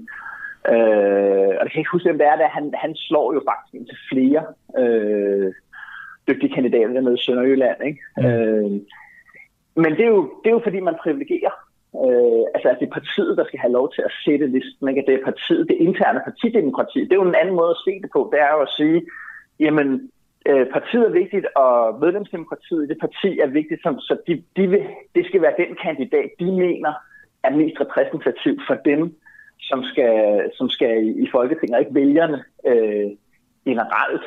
Øh, og det, det, er jo, det er jo sådan om, altså der kan man sige, sydordnet opstilling gør jo på en eller anden måde at det vil være mere påtvingende, øh, kunne man sige, at, at være medlem af et parti og ligesom tage stilling, også i sin dagligdag, og ikke kun på valgdagen, men man ligesom engagerer sig i det politiske arbejde i et parti, og ligesom sagde, nej, det skal være den kandidat, der arbejder sådan der kandidat internt, interne partidemokrati, for uh, at, uh, at få dem valgt ind i, uh, i Folketinget. Ikke? Så det har jo også noget at gøre med det der med, hvordan, ja, hvordan man ser på partiernes rolle, og ja. hvordan borgerne ligesom selv engagerer sig i, øh, i, i, i politik. Ikke? Og der er det, hvad kan man sige, den form for afstemning, vi har i dag, afspejler måske, at man også godt ved, ikke, at, at, øh, at vi er ikke så politisk engageret som, øh, som borgere, som vi måske går og drømmer om. Øh, vi, vi, vi møder op på valgdagen og tuner ind de sidste øh, to-tre uger af en, øh, af en valgkamp, og så zoner vi faktisk lidt ud igen. Ikke? Det også, kan jo også være en af forklaringerne, for eksempel på det konservative ja. folkepartis øh, fald, ikke? det var, at folk som rigtig begyndte at beskæftige sig med det der valg, så det nej, nej, det der pape, det, det vil vi ikke alligevel. Og det er jo ikke fordi, Esben Søring, at vi to skal sidde, det har vi slet ikke øh, evnerne til at, at lave et andet valgsystem, men, men, men, lige, men, men det er jo, det er, jeg synes bare, det er interessant, at vi har et valgsystem, der gør, at nogen kan få flere tusind stemmer, ikke komme ind, ja. At nogen ja. kan få få 100, så han ikke er jo det vildeste eksempel med sine 264 stemmer, tror jeg det er, øh, ja. og, og komme ind alligevel. Og så, og så kan der jo, som vi lige talte om før, så kan der så også være nogen, der ikke kommer ind, men som så bliver udvalgt ja. som ministre, som så alligevel kommer ind. Altså det er jo, jeg ved ikke om det, om det, jeg ved ikke om det er for meget at sige, at det driver noget politikerlede, men det er jo interessant, at, at, at stemmerne kan lægge sig sådan her, og så give så forskellige udfald. Ja, og det er jo selvfølgelig det der med, at der er fordele og ulemper ved, ved alle systemer, ikke? Øh, på mm. den men det her, det har, altså jeg, jeg er, jeg er mere bekymret, hvis jeg, hvis jeg alligevel, alligevel må jeg altid gerne holde sig sådan lidt øh, fri af at tage stilling, altså sådan en, en moralsk stilling, eller ja. smagsdomsstilling som politisk kommentator. Jeg er mere bekymret for partiernes fortsatte liv og betydning i dansk politik, end egentlig det der med, at, at så kan man få mange tusind stemmer øh, i København, som sekander kan, men ikke komme ind, fordi partiet øh, ikke klarer sig, øh, ikke kommer over spærgrænsen mm. øh, på, på landsplan. Ikke? Altså, jeg er sådan set mere bekymret for det der med, at partierne er stærkt nok. Altså, øh, fordi at jeg, føler, jeg synes, at de er, de er meget vigtigere for vores øh, demokrati, end det der, end, end, end vi lige går og, og, og tænker på. Mm. Øhm, og at, at den der udvikling med, at man bare bryder ud af et parti, stifter sit eget, det skaber et, et fragmenteret folketing. Det vi jo også skal have, når vi stemmer, det er, at vi, vi, vi stemmer på en måde, så vi kan sammensætte, hvad man kan sige, en kollektiv handling. Altså, hvad er det, vi gerne vil have gjort over for de øh, problemer, øh, og vi står overfor? Uh, øh, hvordan er det, vi gerne vil have samfundet indrettet? Og, øh, og der synes jeg, at den repræsentation, der handler om partiernes repræsentation, egentlig er vigtigere end den der personlige repræsentation øh, du lægger op. Så jeg synes, det andet spørgsmål, der du, du stillede der med, det der med, at man kan at en person kan være så populær, at de, altså, at de kan trække så mange stemmer i sig selv, mm alene på en opfattelse. Jeg er meget, meget, det er en, det er en sindssygt god pointe. At hvad, det, det er jo ligesom, så har man partiernes krise der så sat helt på spidsen på en eller anden måde. Ja. Ikke? Øh, og det, det, det der er noget, vi skal gå og tænke videre øh, over. Proportionaliteten, ja. Altså, sådan er det jo. Altså, hvis vi havde flertalsvalg i enkeltmandskreds, så ville Socialdemokratiet uh, sidde på 90 procent af alle mandater. Ja, det, ikke? Jo, jo, jo. og, og det er jo det system, de har i England, eller det system, de har i USA. Ikke? Øh, og øh, og det, det, det, det, det vil jeg anse som langt mindre demokratisk. Jeg synes, det der partiernes, partiernes rolle er sindssygt vigtig. Og det er noget, som øh, jeg synes, man skal holde meget øje med. Ligesom, fordi det der med at få sådan et, et berømthedsdemokrati, øh, hvor øh, altså, hvor, hvor det er kendte personer, og den, den måde at blive kendt på, der holder ind i Folketinget, det vil, altså, det, det vil jeg nærmest betragte som, altså, det vil være den største krise overhovedet. Det er interessant at se, hvilken vej demokratiet bevæger sig, hvad, hvad det angår, ja. og, og Folketingets sammensætning. Esben Søring, jeg vil starte, hvor, eller slutte, hvor vi startede, hedder det. Giver det mening at stemme personligt? Hmm, øh, ja, altså, øh, det giver det mening. Øh, ja, det gør det jo for de, for de store partiers vedkommende, kan man sige. Der, giver det, der, giver det, der giver det mening. Men du har da ret i, at, at øh, altså, det er jo det hele taget der, med det, altså, hvad, hvad betyder den enkelte stemme fra eller til, betyder jo ufattelig lidt, ikke? Ja. Øh, så det, det, det, det, det, det er måske også sådan lidt, lidt, lidt snyd at sætte det op på den der måde. Ja, måske. Øh, men det er klart, altså partiet skal over stærgrænsen, før det giver mening at, at stemme, øh, stemme personligt. Og, og, og denne her gang har vi jo så set, at øh, stemmespillet i den forstand er blevet meget mindre. Altså fordi øh, altså, det var bare frigøjende og kristendemokraterne. Ikke? Ja. Og det er jo derfor, vi også har meningsmålinger. Det er jo ikke fordi, at man som vælger kan sige, at oh, det vidste jeg sørge ikke. Øh, der har man jo kunne se længe, at, at det vil blive enormt svært for de to partier at komme ind. Ikke? Og på den måde er man advaret i god tid til at sige, okay, hvis det, hvis, så, så kan det være, at jeg skal gå ned på det andet øh, bedste eller tredje bedste partivalg, og så finde en person der, som jeg så synes, øh, jeg skal stemme på. Ikke? Esben Søring, øh, politisk redaktør på Altinget. Tak fordi du gad at tage den her diskussion med mig. Vi, øh, vi fortsætter ja. at snakke med, med politikerne lige ja. herefter. det er en god idé. God morgen. Hej. Hej. Du lytter til en uh, uafhængig morgen her på Den Uafhængige. Husk, at du også kan lytte med, når vi sender live hver morgen fra 7 til 9. Download vores app, tryk play. Det er helt gratis. Nu skal vi nemlig øh, tale med øh, formand for øh, Dansk Kina-kritisk Selskab og radikalt regionsrådsmedlem i hovedstaden og her under valget folketingskandidat for de radikale Thomas Roden. Øhm, han fik 3.655 personlige stemmer ved Folketingsvalget. Modsat så fik Søren Ege Rasmussen fra Enhedslisten 264 personlige stemmer. Ham taler jeg med lige om lidt. Søren Ege kom i Folketinget, Thomas Roden han gjorde ikke. Godmorgen, velkommen til Thomas. Godmorgen.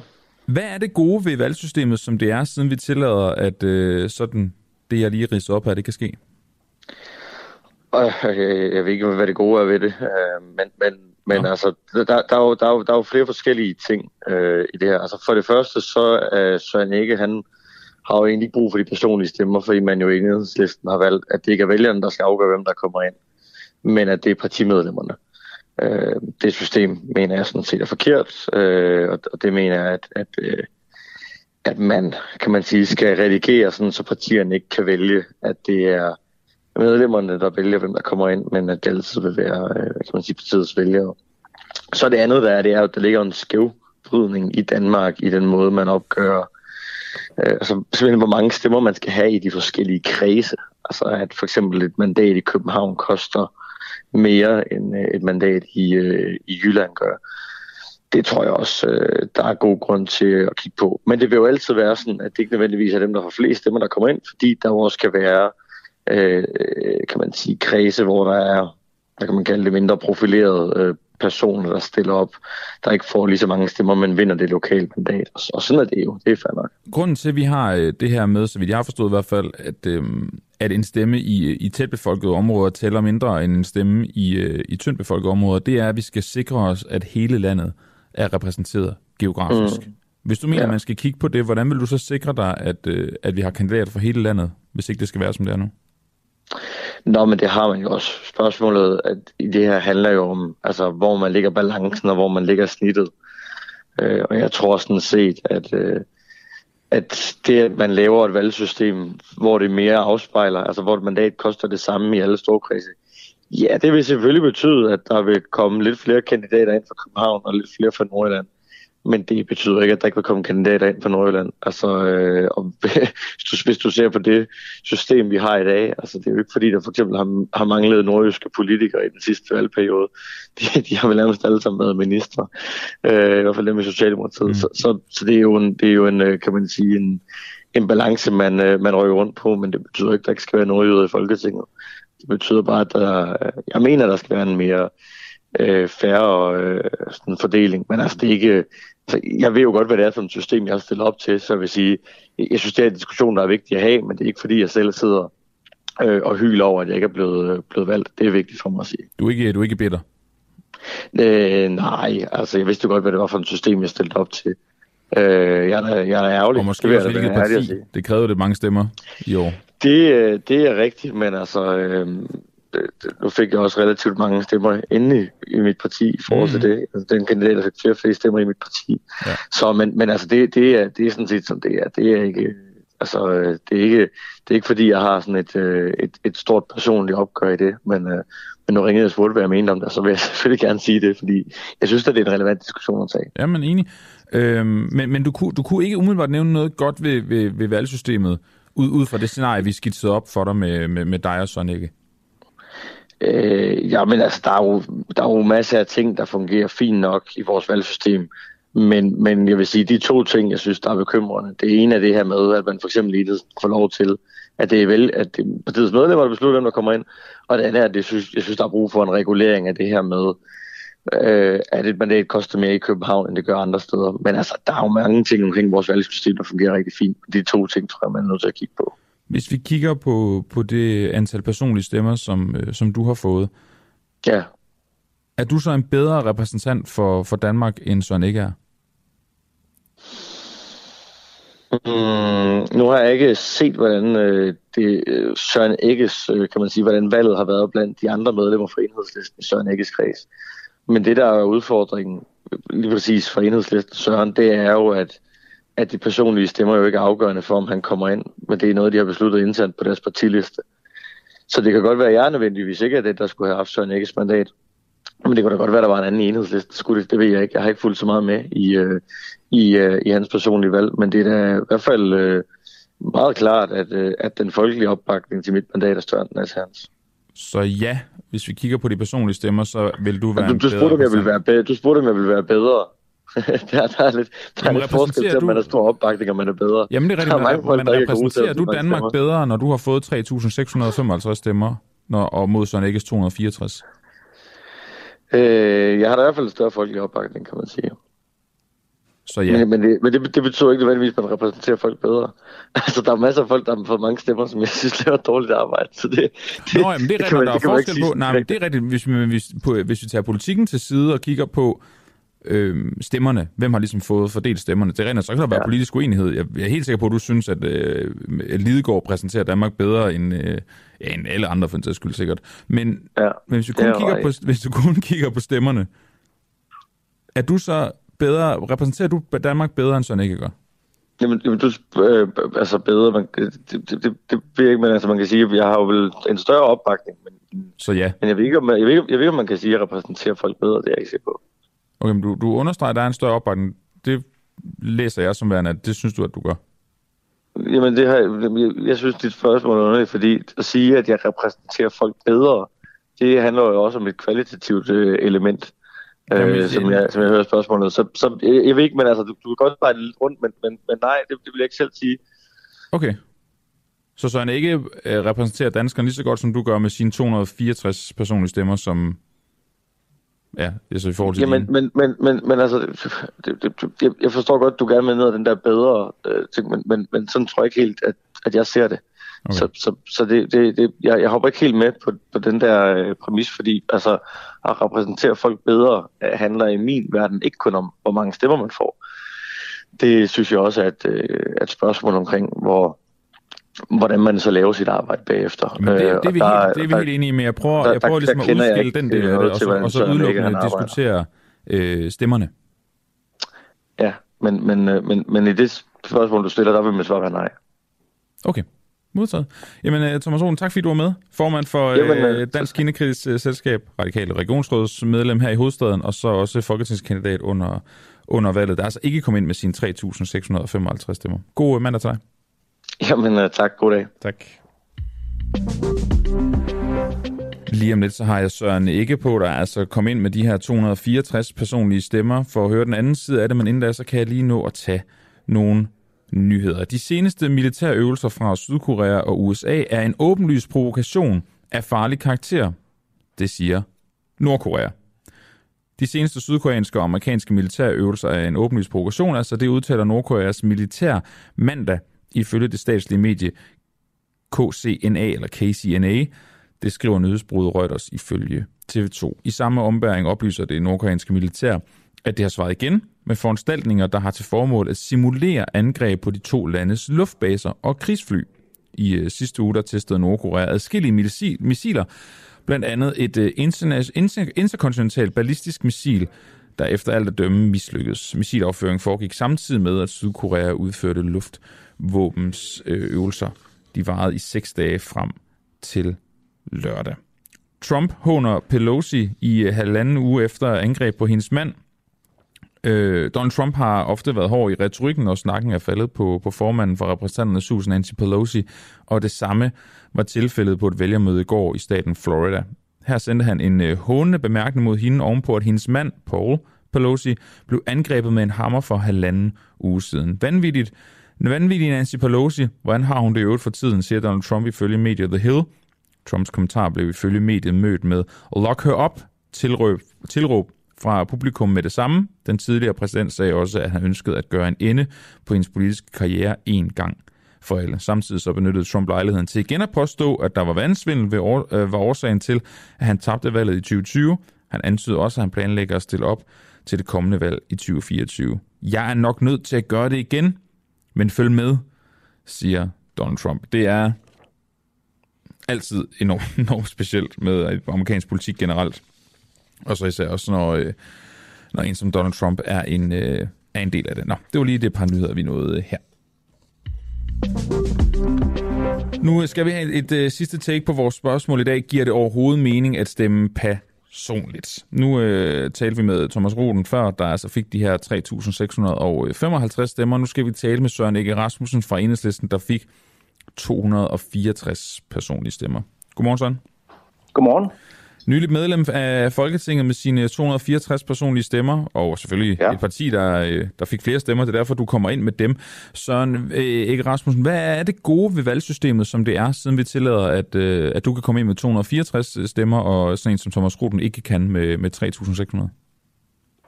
Altså, jeg kender ikke den der historie, jeg bragte uh, før det her indslag. Men øh, enhedslisten har jo et medlemsdemokrati, hvor vi har en proces, hvor vi via årsmøder og uafstemninger finder frem til, hvem vi helst vil have som spidskandidater. Mm. Og der er jeg så opstillet som spidskandidat i Sydjylland. Og øh, der får vi øh, godt 10.000 stemmer. Og hovedparten af vores vælgere har sat kryds ud for partiet. Det er sådan set over 7.000 af vores vælgere i Sydjylland, som har krydset af ved øget ved enhedslisten, altså ved enhedslistens politik. Og de stemmer går så til mig som spidskandidat. Men det så det er sådan set, det, det er sådan set det, jeg spurgte om, Søren Ege Rasmussen, ja. det var, hvad det gode ved valgsystemet er. Når at, øhm... Jamen, det, er jo, det gode ved valgsystemet er jo, at det er enhedslistens øh, 9.000 øh, medlemmer, som har stor indflydelse på, hvem der er enhedslistens spidskandidater, og dermed stor indflydelse på, hvem der kommer til at sidde i enhedslistens folketingsgruppe. Var der øh, enhedslisten øh, kandidater, der fik flere personlige stemmer end dig? Ja, men der var ikke nogen, der fik over 500 stemmer. Det vil sige, at vi, vi står med et resultat, hvor vi i Sydland har 10.000 vælgere, der har stemt på enhedslisten. Der er ikke nogen af vores 10 kandidater dernede, der har fået over 500 stemmer. Men hvis der er, altså der er syv... en, der har fået flere personlige stemmer end dig, hvorfor er vedkommende så ikke en bedre repræsentant, end du er? Fordi at enhedslistens medlemmer har prioriteret mig som nummer et øh, til at stille op i Sydland. Så det er sådan set noget, vores 9.000 øh, medlemmer har haft indflydelse på, og ikke bare 490 vælgere nede i Sydland. Okay, så det er medlemmerne i enhedslisten, der bestemmer, hvem der er den bedste repræsentant, og ikke vælgerne? Ja, det er det med mindre, at vælgerne virkelig laver et markant resultat, hvor man øh, virkelig øh, massivt stemmer på en anden kandidat. Hmm. Set ud fra det antal personlige stemmer, du fik, er du så øh, en dårligere repræsentant for danskerne, end øh, Thomas Roden er, når han fik 3.655 stemmer? Det tror jeg ikke, men jeg kender ikke uh, den Thomas Roden der. Uh, han har stillet op et andet sted end Sydland. Uh, men der er... Hvad Ja, han, han stiller op i København. Jamen, uh, jeg, jeg kender ham ikke, så jeg har ikke nogen holdning til det. Nej, men det er ikke så meget, hvem han er som politiker. Det er mere i forhold til, at når han ikke kan komme ind med 3.655 personlige stemmer, og du kan med 264. Ja. Er du så, repræsenterer du så Danmark dårligere, end han gør? Nej, bestemt ikke. Altså, jeg er jo en folketingspolitiker, der har været i Folketinget syv og et halvt år og kæmpet for enhedslistens mærkesager. Og jeg er jo så via enhedslistens mellemdemokrati øh, blevet stillet op som spidskandidat i Sydland og blevet valgt. Øh, så øh, der får man virkelig noget godt for sine stemmer. Men når der er 3.655 danskere, der personligt sætter et kryds ved Thomas, og der er 264, der gør det ved dig. Ja. Repræsenterer, så han ikke, repræsenterer han så ikke flere danskere, end du gør? Nej, fordi at der er jo sådan set 10.000, der i Sydland har stemt på enhedslisten. Ja, men der er vel så forskel de... på at stemme på partiet og stemme på personen? Øh, nej, fordi vi stiller jo op for partiet. Vi stiller jo op på det grundlag, som, som enhedslisten har. Så har man så den valgmulighed som vælger, man kan sætte kryds ud for personen, eller kryds ud for partiet. Men det er jo, altså man stiller jo ikke bare op som individualist, man stiller jo op for kollektivt, man stiller op for, for det parti, øh, som man er medlem af, og det er jo også partiet, der fører valgkamp. Altså det er også lidt spøjst, at der er så meget fokus på de her personlige stemmer. Fordi det er jo de færreste folketingsmedlemmer, der er blevet valgt ind udelukkende på egne stemmer. Mm. Altså godt 3.000 stemmer i, øh, til en radikal i København. Det er jo ikke nok til at komme ind. Der skal jo cirka der skal jo næsten 20.000 stemmer til at opnå et mandat for et parti. Men det er netop derfor, vi, vi stiller spørgsmål der i radio, om det giver mening overhovedet at, at stemme, stemme personligt. Men Søren Ege Rasmussen, når der er 3.655, der har valgt at sætte kryds ved Thomas øh, Ruten, og der er 264, der har så valgt at sætte ved dig, er der så ikke flere danskere, der vil have Thomas i Folketinget end dig? Jo, og hvad så? Øh, der er jo sådan set, øh, der er jo sådan set også, man stiller ikke bare op som person, man stiller jo op for et parti. Og der har de radikale så haft et, øh, et valg, hvor de definerede, at der skulle være valgkamp nu. Ja, men de har så ikke opnået så mange det, det, det, det, jeg spørger Nå, okay. til, det er, når der, når der er flere danskere, der sætter et kryds personligt ved Thomas, så spørger jeg, repræsenterer han så ikke Danmark bedre, end du gør, når du har fået 264? Nej, nej det gør han ikke. Okay, men, og, men så, der er så taget en af de andre fra enhedslisten, dem der har fik flere personlige stemmer end dig. Repræsenterer de så enhedslisten bedre, end du gør? Øhm, jamen altså, vi er jo et kollektiv. Vi har fået valgt ni øh, til at sidde i en folketingsgruppe. Og så arbejder vi derfra ud fra vælgernes øh, tillid til Jamen, du svarer ikke mit spørgsmål. Repræsenterer dem, der har fået flere personlige stemmer end dig i din kreds, repræsenterer de enhedslisten bedre, end du gør? Nej, det gør de ikke. På trods af, at de har fået flere personlige stemmer? Nej, fordi vi har jo de der 7.000 øh, stemmer øh, på, øh, på partiet som jo sådan set går til, til mig som spidskandidat for partiet. Men de har vel... Det er jo fordi med, medlemmerne af enhedslisten har defineret, hvem der skal være spidskandidater på de mest valgbare pladser. Men vælgerne der har, har så også så... defineret, at der er en, der fik flere personlige stemmer end dig, og dermed umiddelbart vil virke mere populær. Øh, ja. Så, men vedkommende så? Repræsenter... Jamen, så derfor spørger jeg, repræsenterer vedkommende så ikke dig bedre? Nej. Og det gør han ikke, fordi, fordi at enhedslisten synes noget andet? Der er jo sådan set 9.000 medlemmer i enhedslisten, som har været med til at definere, hvem der skal være spidskandidater. Mm. At der så er 490 vælgere i Sydland, som har stemt på en anden kandidat, det er, hvad det er. Men det er jo sådan set uh, enhedslistens medlemsstemme.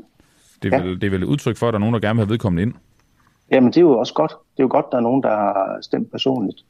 Men det er jo ikke noget, der så for det, at vi har en partiliste, og at der er godt 7.000 vælgere i Sydland, som har stemt på partiet. Stemt på partiets politik, og sådan set dermed stemt indirekte på, at jeg skal sidde i Folketinget. Så enhedslistens medlemmer, de ved, de ved bedre end vælgerne? Nej, men man kan jo sige, at der er godt 7.000 af vores vælgere, som prioriterer partiets politik højere end at stemme på en person. Over 7.000 mennesker har sat kryds ud for vores politik i Sydjylland. Og det er den politik, jeg skal repræsentere i Folketinget. Når vi har den her snak, synes du så, det giver mening at øh, stemme personligt? Ja, det er godt, ja. Altså, Hvorfor? det man kommer også ikke ind, hvis man får flere stemmer. Nej, men det, gør, det giver da mening. Også efter en valgkamp. Altså enhedslisten skal jo også sætte et øh, kandidathold øh, til det næste folketingsvalg. Og der har det da betydning, om vi har kandidater, der har vist, at de kan samle stemmer. Okay, så, så du behøver ikke at være spidskandidat næste gang, fordi der er en, der har fået 490 øh, personlige stemmer i, øh, i din valgkreds? Altså nu er det sådan, at jeg er blevet flyttet fra Østjylland til Sydland. Ved sidste folketingsvalg i Østjylland, der fik jeg 1450 stemmer.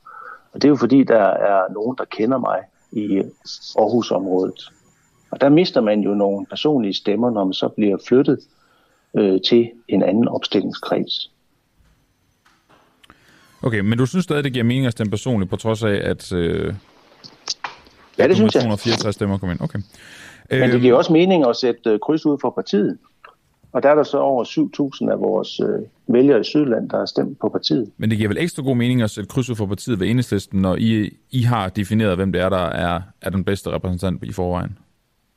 Nå, det kan det jo også gøre for, øh, for andre partier. Altså det kan jo godt være, at der er andre vælgere, der stemmer for andre partier, og ligesom tænker, nej, men jeg synes ikke, jeg kender de der personer godt nok. Jeg sætter kryds ud for partiets politik. Mm. Altså der, der er jo også i andre partier partiliste stemmer. Så det er jo ikke, altså, nu bliver det gjort meget til, at det udelukkende er et fokus på personlige stemmer. Men det er fordi, det er det spørgsmål, vi stiller i dag, jo, om det giver mening. Ja, men I, I, I kan kun finde ud af at stille et spørgsmål. Jeg vil søge at folde det lidt ud, mm. at det er de allerfærreste, der er valgt til Folketinget, som er valgt udelukkende på deres egne personlige stemmer. Hovedparten af de nye folketingsmedlemmer, de er valgt ind, fordi de stiller op for et parti, er en del af et kollektiv, og de har så fået en vis mængde personlige stemmer. Og øh, de færreste af dem kan klare sig uden det, som partiet har ydet for dem. Så Ikke Rasmussen, jeg skal, jeg skal til at videre. Jeg har et øh, andet tvivl om lidt. Jeg vil lige til sidst spørge dig, om vi øh, vil gerne kickstarte en, en kampagne, vi kommer til at køre her i radioen, hvor vi gerne vil have alle de nye, altså de nye 179 øh, folketingsmedlemmer til at stille op til et interview. Og der er du, du er en af dem. Øh, ja, jeg vil godt høre, hvad er sådan din, din største mærkesag, som du føler, at de 264 vælgere øh, har tiltro til, at netop øh, du kan løfte? Kun nævne en. Det er energipolitikken. Okay, hvad vil du gøre der? Jeg vil følge op på alle de aftaler, som enhedslisten er med i, blandt andet firedobling af den vedvarende energi inden øh, 2030. Okay. Jeg vil sådan set komme frem til, at vi laver flere aftaler, hvor vi hjælper de danskere, som er ramt af meget høje energiregninger. Blandt dem, der har, har, øh, har gasopvarmning af deres bolig. Og så er der jo en masse aftaler omkring udbygning af, af havvind på havet, som får enormt stor betydning for Sydland. Så øh, mine vælgere i, øh, i Sydland, de, de får sgu mere, end øh, man kunne forvente øh, i forhold til den egen. ja, det er sikkert, hvor du synes, Annika Rasmussen. Både, øh, tak fordi du var med her til morgen. Vi, øh, ja, vi, vender, vi vender tilbage til dig. Nu har vi fået styr på mærkesagen, så kan vi holde dig op på det øh, senere, når, når, du, øh, når vi rigtig er kommet i gang ja. med det her, den her nye... Øh, det nye det bliver rigtig godt. Der bliver meget at følge op på. Det kan vi ikke klare på syv minutter i næste Nej, det kan vi nemlig ikke. Det kan vi nemlig ikke. Så det ikke øh, god morgen. Ja, tak. Lige måde. Så fik vi altså diskuteret færdigt, i hvert fald for i dag, om det giver mening at stemme personligt. Nu vender vi tilbage til det andet store spørgsmål, vi stiller i dag, nemlig om øh, man kan regne med Alternativets politiske leder, Franziska Rosenkilde, og om øh, skaden som, som sådan er sket. Vi har Franziska Rosenkilde med lige om øh, lidt. Jeg kan lige starte med ligesom at rise hele, hvad kan man sige, øh, sagen op. Tilbage i øh, juli, der øh, gentog Alternativet, eller der faststod for Alternativet, at de gerne vil have den her advokatvurdering eller undersøgelse af, af Mette Frederiksen i forhold til hendes rolle i øh, Mink-sagen. I TV2's øh, valgtest, så svarede Alternativets leder Franziska Rosenkilde enig til, at det bør undersøges, om Mette Frederiksen kan stilles for en rigsretssag som konsekvens for hendes håndtering af Mink-sagen. Søndagen inden valget, der blev øh, det gentaget, at Alternativets holdning er, at de vil have en advokatvurdering af Mette Frederiksens forhold i Mink-sagen. Men onsdag morgen, 13, 12-13 timer efter, efter valgresultatet, jamen øh, der siger Francisco Rosenkilde så til Jyllandsposten, at spillepladen har ændret sig, og at Alternativet ikke længere vil have en advokatundersøgelse. Fredag morgen i sidste uge, der skrev hun så på Facebook, personligt er videre fra Mink og advokatvurdering, og det er ikke opbakning fra de fem andre til den beslutning. Det lytter jeg selvfølgelig til, så nu er de altså for en advokatvurdering alligevel. Godmorgen og velkommen til, Francisco Rosenkilde. Godmorgen. Politisk leder i Alternativet. Franziska, hvilken dato skulle du give svar til den her øh, valgtest i TV2? Åh, oh, det ved jeg ikke. Altså, de der kandidattest der, ja. jamen, dem har man jo løbende. De bliver jo lavet i måneder, i ugerne op til valget. Ugerne op til valget, okay. Ja, der er ikke nogen deadline. Nej, okay. Og mente du det, du svarede der? Ja. Og så der var du enig i, at der skulle laves en undersøgelse? Ja, øh, det var også det, der var Alternativets politik, så det, øh, mm. det gjorde jeg. Søndag inden valget, så bliver partilinjen om et ja til advokatundersøgelse, det bliver så gentaget. Mente I i Alternativet det, eller og mente du selv det, du sagde der? Øh, søndagen inden? Ja. Skal lige være med. Hvorfor bliver det lavet om der? Det bliver ikke lavet om. Det der, der gentager, Nå, nej, der gentager nej. ligesom Okay, bare, okay, at det er perfekt. holdningen, så spørger jeg, Øh, at, var nej, det prøv partiets holdning, og var det også noget, du selv mente? Nej, men du har jo lige ridset hele forløbet op, og det er Mm. helt rigtigt, det du siger. Øh, jeg er jo, altså, det er jo Alternativets holdning, fuldstændig, som jeg har været ude at sige, så er det bare ikke det, jeg har været mest optaget af. Så Alternativet har jo ikke som parti ændret holdning. Jamen, du har også ved at sige, at personligt er, er du videre fra Mink og advokatvurdering. Så spørger jeg bare, var du videre Ja. søndag inden valget? Nej, jeg, det der jeg blev spurgt om onsdagen, som du helt rigtigt siger, Mm. der svarede jeg det. Men indtil da har jeg jo ikke svaret det. Nej, nej. Men det, Du, det, du spørger om det åbenlyse. Nå, okay. Jamen, øh, nej, men indtil jeg blev spurgt, det, valget er jo det, der ligesom afgør det for mig på en eller anden måde, kan man sige. Så alt det inden valget. Mm. Det, øh, altså, jeg står fuldstændig ved, hvad jeg har sagt, både før og efter. Okay. Onsdag, der er det så her, du siger, at Alternativet mener, at Mette Frederiksen i form af valgresultatet havde fået mandat til at fortsætte uden advokatundersøgelse. Spilpladen havde ændret sig. Det var det, det, var det jeg nævnte før, ikke? Jo, Var det din eller partiets holdning?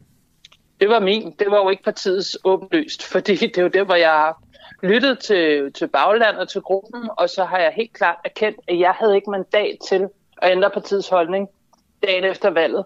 Øh, fordi det var der ikke opbakning til, og det er jo det, jeg har været ude at sige. Men du siger foran Amalienborg, at Folketingsgruppen havde snakket sammen, og der nu var, det nu var partiets linje, Nej. at en advokatvurdering ikke var nødvendig. Det skriver TV2. Jamen, det har jeg ikke, fordi at Folketingsgruppen er ikke konstitueret der. Jeg ved jo ikke, hvem der er valgt ind endnu. Hvorfor siger du så, at I har snakket sammen? Ja, ja, jamen ikke med Folketingsgruppen. Jeg siger, vi har snakket sammen, det er fordi, de spørger til Torsten, og så siger vi har snakket sammen. Så du tager en beslutning øh. på baggrund af, der er Torstens snak. Ja, Så der er Torsten af, er, havde- har den personlige holdning, at det ikke er vigtigt eller nødvendigt med en advokatvurdering. Ja lige på det tidspunkt der, der, der tænker vi, at, det, at øh, det er fedt at se fremad, og der har været et valg. Vi var for den der advokatvurdering. Radikale mener, at der skal være et valg i stedet for. Mm. Det var vi uenige i, men ikke desto mindre, så var det jo det, der skete. Øhm, og der havde øh, danskerne jo god grund til, eller mulighed for, at komme med deres øh, vurdering af det hele. Og øh, Mette Frederiksen får så er det bedste valg for Socialdemokratiet 20 år, og lige der, da jeg bliver spurgt og taler med Torsten, øh, der tænker jeg, eller jeg har, nu kan jeg jo ikke sige, hvordan han har det, men jeg har det i hvert fald sådan, at øh, jeg har lyst til at se fremad, og jeg har lyst til at arbejde på de løsninger, som øh, på de kriser, som Danmark står i. Og det vil sige, lige da jeg bliver spurgt der omkring mink og advokatvurderingen, der, der tænker jeg, lad os hellere se fremad. Men jeg har jo erkendt, og jeg siger det gerne igen, også her i Nu Afhængige, at jeg var for hurtig. Øh, Jeg havde tjekket med baglandet. Jeg havde øh, haft fire ugers hæftig valgkamp. Havde måske ikke lige fået sovet på den, og jeg burde have sagt til journalisten, prøv at høre, vent lige, vi vender tilbage. Og det overskud havde jeg ikke lige der. Det beklager jeg dybt for sikken interesse, det har haft. Det synes jeg jo er, er fint og dejligt ærligt, at du, at du øh, beklager lækkert noget. Men alligevel så har jeg lyst til at spørge, er det ikke dårlig politisk ledelse, at du ikke tænker, måske jeg skal vente med, til jeg har min folketingsgruppe, for at finde ud af, om det krav, eller i hvert fald det, vi har øh, sagt, vi gerne vil gøre, det er ikke noget, vi mener længere. Altså, Jo, det kan du sikkert godt sige, og jeg må helt sikkert skuffe jer alle sammen, hvis det er, at I tænker, at jeg ikke engang imellem lige har en lille smule underskud og øh, politisk ledelsesunderskud efter fire ugers valgkamp og øh, tre timers søvn. Det er du helt ret i. Mm. Men det, som jeg til gengæld synes er god politisk ledelse, det er, at man snakker med sit parti, sit bagland, sin gruppe, man lytter, man forstår, okay, der er helt klart et flertal stadigvæk for at vi holder fast i advokatvurdering, så kan jeg kun gå ud og sige, det er mig, der har lavet en fejl. Jeg har ikke haft øh, mandat til at skifte den holdning. Jeg lytter selvfølgelig, og jeg øh, er helt med på, hvor flertallet ligger. Og så må jeg bare erkende, at det var min fejl. Det synes jeg er god politisk ledelse, for det er empatisk og inkluderende, og sådan bør politisk ledelse også være. Hvem har mest styr på øhm, partilinjen i Alternativet? Er det dig, eller er det de andre medlemmer?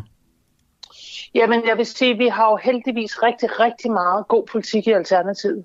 Og øh, nogle ting øh, af, af, af mine mærkesager, kan man sige, går jeg rigtig, rigtig meget op i. Og så er der nogen, der går op i noget andet. Og heldigvis så er vi et parti med mange dedikerede medlemmer, som på den måde øh, hjælper hinanden. Men det er klart, selvfølgelig har jeg øh, styr på partiets linje, men det er der heldigvis også mange andre, der har. Okay, men hvem har så mest styr på dem? Mig eller de øh, par tusind andre medlemmer? Ja, eller bare Folketingsgruppen. Det virker som, de har mere styr på den linje, I har valgt inden valget, end, end du har. Jamen, det har de ikke. Men, men de var jo ikke konstitueret der, og det blev de. Og så diskuterede vi det. Og så var der flertal for at holde fast i den linje, ligesom der ført var også i et bagland længere uden den folketingsgruppe. Og det erkender jeg fuldstændig. Og så er den sådan set ikke længere. Øhm, hvorfor overhovedet gøre det her? Hvorfor går du ud og, og siger noget helt diametralt modsat af det, du sagde, eller det partiet har sagt få dage inden valget? Hvorfor overhovedet gøre det? Jamen altså, jeg synes, du får det til at lyde som om, at det er meget vildere, end det er. Jeg siger det gerne igen. Nej, jeg spørger, nej, jeg... jeg spørger hvorfor, hvorfor gør du det? Jamen, jeg bliver spurgt af en øh, journalist på vej ind i en debat. Jeg når ikke at tænke meget længere, end, øh, end at jeg umiddelbart tænker, vi skal kigge fremad. Det var en fejl. Okay, så du, giver, du kommer til at give udtryk for din personlige holdning, så du synes stadigvæk, at, at det ikke er nødvendigt med en, altså personligt, med en undersøgelse, eller hvad? Jamen, nej, altså jeg, jeg synes, det er fint alternativ for en advokatvurdering. Men det er ikke det første, eller jeg tænker på, når jeg stopper om morgenen, eller sidste, jeg tænker på, inden jeg går i seng. Det vil jeg godt erkende. Okay. Men der er, er jeg mere optaget af nogle andre ting. Men er, det, men, ja, okay, men er din personlige holdning stadigvæk, at det er ikke vigtigt? Nej, altså jeg forstår sagtens, at det er vigtigt. Og så længe der er flertal i partiet for det, så er det det, der er partiets linje. Mm. Hvad havde fordelene været i forhold til regeringsforhandlingerne, hvis I havde holdt fast i din personlige holdning, som du giver udtryk for onsdag morgen? Øh, helt ærligt, så må jeg sige, at den advokatvurdering har ingen rolle i regeringsforhandlingerne. Okay, hvordan? I hvert fald ikke på nuværende tidspunkt. Okay. Så du tænker ikke, at øh, Alternativet vil stå bedre i forhandlingerne med Socialdemokratiet og Mette Frederiksen, hvis ikke I havde et krav om at lave en advokatundersøgelse af hende? Eller vurdering? Nej. Nej. Altså Alternativet arbejder for et grønt og progressivt Danmark, for en bæredygtig omstilling. Og det gør vi lige meget, om der er advokatvurdering eller ej. Og det er lige svært at få igennem, om der er en advokatvurdering eller ej. Okay, det er sjovt, det... fordi jeg, jeg, jeg, jeg kan bare ikke lade være med at tænke, at, øh, at hvis man nu ikke havde det her øh, krav eller ønske om en advokatvurdering af, af, af Mette Frederiksen, som jo det ligner, er den kommende statsminister for Danmark, så kunne der måske være en større chance for, at man kunne øh, få noget igennem over for den regering. Mm, det må du da godt tænke. Altså, det er ikke det, der er situationen. Okay. I hvert fald ikke på nuværende tidspunkt. Jeg har personligt ikke talt med hende om det. Okay, så det, det, det, det vil være... Jeg tror simpelthen, vi har, vi har strengere krav end det i forhold til et samarbejde. Øh, så øh, jeg tror ikke, det er det, der bliver udfordringen. Men tror du, at de andre, altså, tror du, det kan blive sværere for de andre krav igennem, hvis I holder fast i, at øh, der skal være en advokatvurdering? Umiddelbart ikke. Jeg ser ikke, at der er noget modsatrettet i både at pege på en statsminister eller samarbejde med en statsminister, og samtidig mene, at der er behov for en advokatvurdering. Hvad, hvad er de negative konsekvenser ved den beslutning, I, I nu har truffet i forhold til, øh, til den kommende regeringsdannelse? Altså, at vi hele tiden har haft øh, ønsket om en advokatvurdering, eller at jeg har været ude at lave en fejl, og at medierne er de har laver, meget interesse. Er de laver kovending, altså at I først siger det ene, så det andet, og så vender tilbage til det oprindelige? Men det er ikke noget, vi gør, det er noget, jeg gør. Altså, Alternativet har jo hele tiden haft den jo, holdning. Men at der... som politisk leder, så præsenterer du partiet. Det kommer jo til at komme klart, på et. Klart, og det er jo derfor, jeg har været ude at sige, at det var en fejl. Mm, men, jeg havde ikke mandatet til det. Men hvad kan de negative konsekvenser ved den beslutning være? Jamen altså, det umiddelbart, først og fremmest, så vil jeg sige, at de negative konsekvenser har været, at, øh, at der er blevet blæst en kæmpe sag ud af det, og det bliver kaldt kovending, og jeg skal øh, snakke med alle mulige journalister om, hvorvidt jeg er blevet banket på plads, og svag leder, og alt muligt. Og dybest set, så er det for mig at se øh, en fejl, jeg har lavet, som jeg går ud og erkender, som jeg synes, der virkelig skal være plads til dansk politik, fordi vi er jo mange, der har på mange måder øh, politikerlede og trætte af de her glatte ansigter og spændende forklaringer, og der er aldrig plads til fejl, men det tror der fan, når det er, man så gør det, at man ikke øh, har mulighed for det. Så jeg mm. synes, det, her, det der er det positive ved det her, det er, at vi får der mulighed for at snakke om noget politisk ledelse, og hvad det er for nogle politikere, vi synes, vi gerne vil have i Danmark. Øh, og at, øh, at, at pressen og medierne er så optaget af, at jeg siger noget, og så siger jeg, prøv at høre, fair nok, jeg var for hurtig. Øh, det var ikke partiets holdning. Det siger jeg bare helt straight out. Det er min fejl.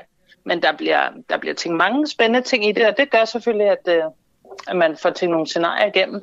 Men øh, det er sådan set det, jeg ser som forløbet. Det er sådan set ret meget mere straight, end, øh, end mange af jer prøver at få det til at lyde som. Men når jeg så spørger ind til negative konsekvenser i forhold til den her beslutning, og i forhold til de kommende regeringsdannelser, er der noget der? Nej, altså ikke umiddelbart mere end alt muligt andet, tænker jeg. Øhm, hvis vi skal være parlamentarisk grundlag for en rød-grøn regering, så, så er der mange andre altså, udfordringer med at sige, for at vi lægger vores seks mandater, fordi vi ønsker reelt klimahandling.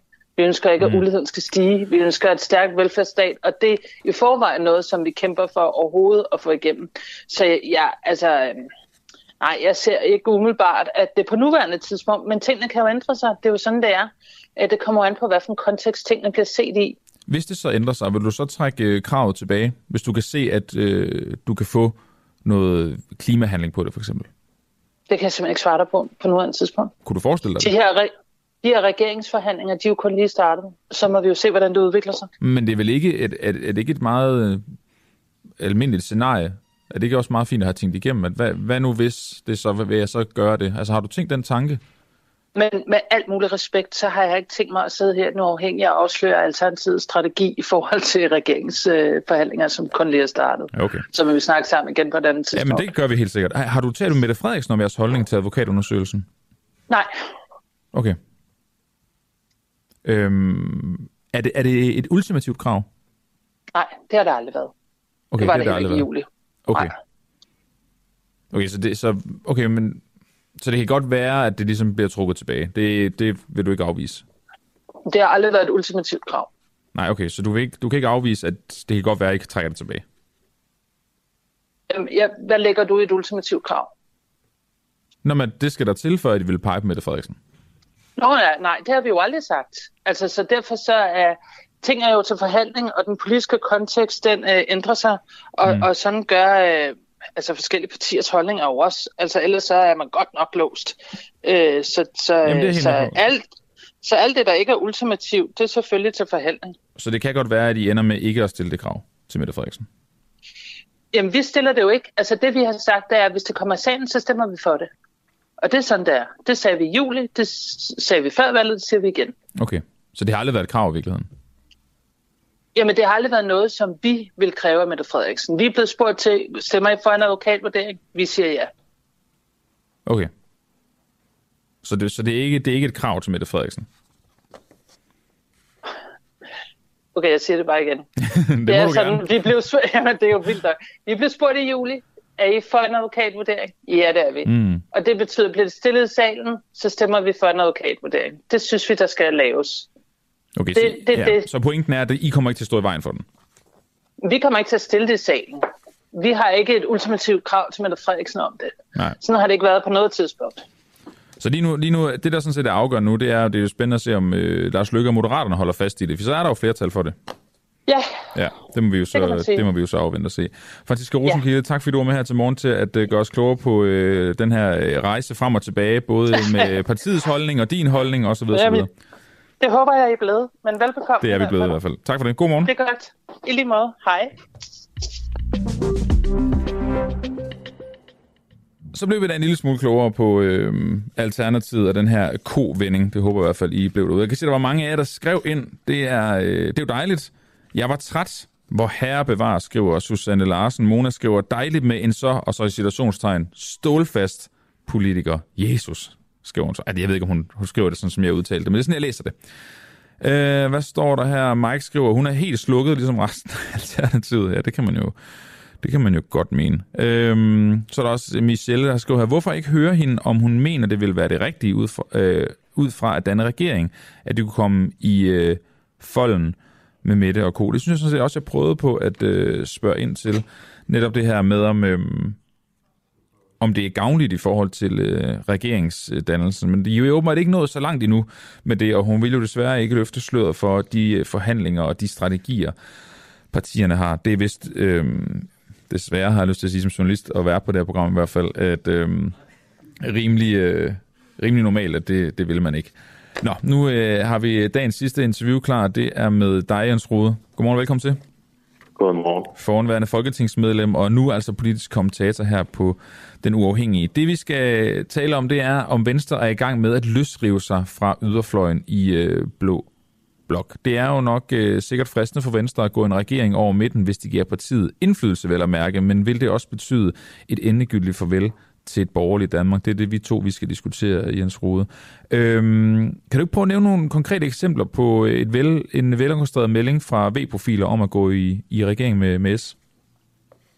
Og vi har jo siden slutningen af sidste uge set en lang række øh, storkredsformænd, borgmestre, øh, afgående folketingsmedlemmer for Venstre, og også nuværende folketingsmedlemmer herunder Annie Mathisen, der jo tog ret mange stemmer, argumenterer for, at Venstre skal søge ind i en regering hen over midten. Mm.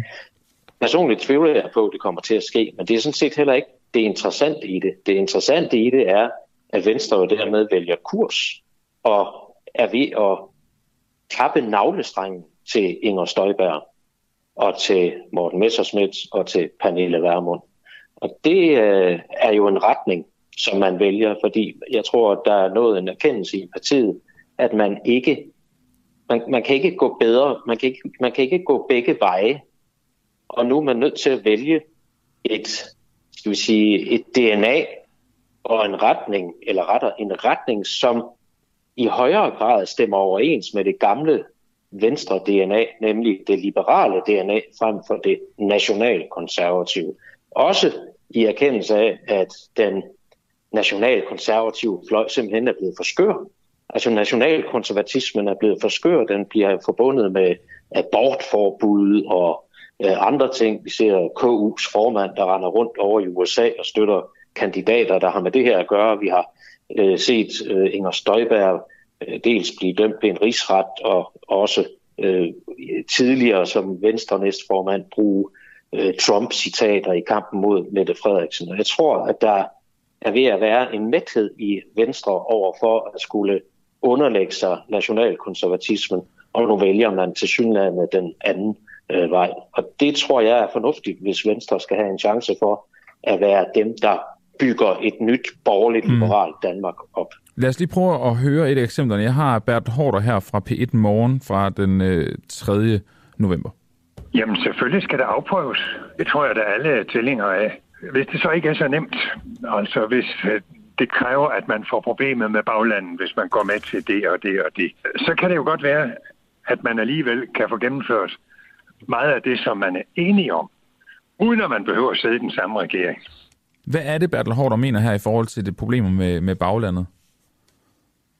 Det er jo klart, at der er nogle øh, mærkesager for Venstre, som de får svært ved at give øh, afkald på, og som Mette Frederiksen jo vil øh, insistere på, at der skal gives afkald på. Det er en meget vanskelig forhandling. Derfor ser jeg det heller ikke som realistisk, at Venstre ender i øh, den konstellation. Også fordi Venstre er så små, at de risikerer at blive lille, lille bror i sådan en regering. Så øh, det er måske ikke tiden, men det interessante er jo den politiske melding om, hvad det er for en retning, Venstre skal øh, til at tage.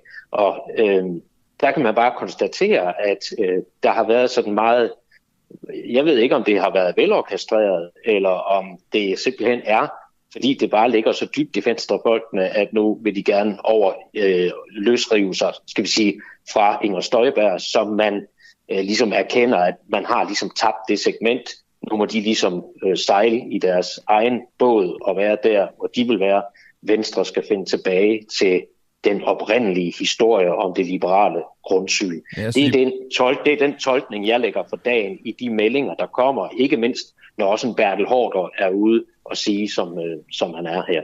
Og det er i hvert fald et interessant paradigmeskifte for Venstre, hvis man kigger tilbage på de øh, sidste øh, 6, 8, 10 år. Jeg synes også lige, vi skal prøve at høre fra Søren Gade på, på valgaftenen den, øh, den 1. november. får vi lige her. Jamen, jeg kan se mange ting øh, for mig. Det handler jo om prisen på risen, men det er jo ikke mig, der afgør, hvad, hvilken vej Venstre skal. Det er Venstres øh, formand og ledelse, og jeg er kommet hjem for at hjælpe Venstre og Jakob Ellemann, og jeg går lige præcis den retning, som Jakob Ellemann peger. Men som du ser, at vælgerne peger, peger de så faktisk ikke på en regering hen over midten? Jo, og det er også derfor, man skal jo ikke stå på en valgaften og afvise noget som helst. Vi gik til valg på en borgerlig-liberal regering. Det ser ikke ud som om, det er en mulighed, og så må man jo afsøge andre muligheder, men igen, det er jo ikke op til mig at, at kontrollere på det. Det skal min formand, Jakob Ellemann. Et interview fra, fra TV2. Jens Rode, så det vi hører her fra, fra Venstre, er det i virkeligheden lige så meget en, den, den første, hvad skal man sige, massage til deres vælgere om, vi kommer til at kigge mere mod midten og, og mod Socialdemokratiet i, i vores fremtidige politik, uden det nødvendigvis øh, er et tegn på, at de kommer til at gå i regering?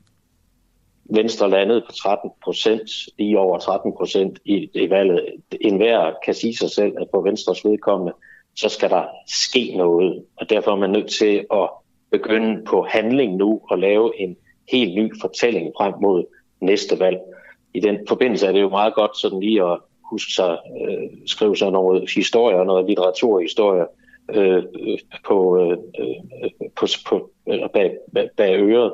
Øh, Anton Chekhov skrev i 1904 en komedie, var det faktisk, der hed Kirsebærhaven.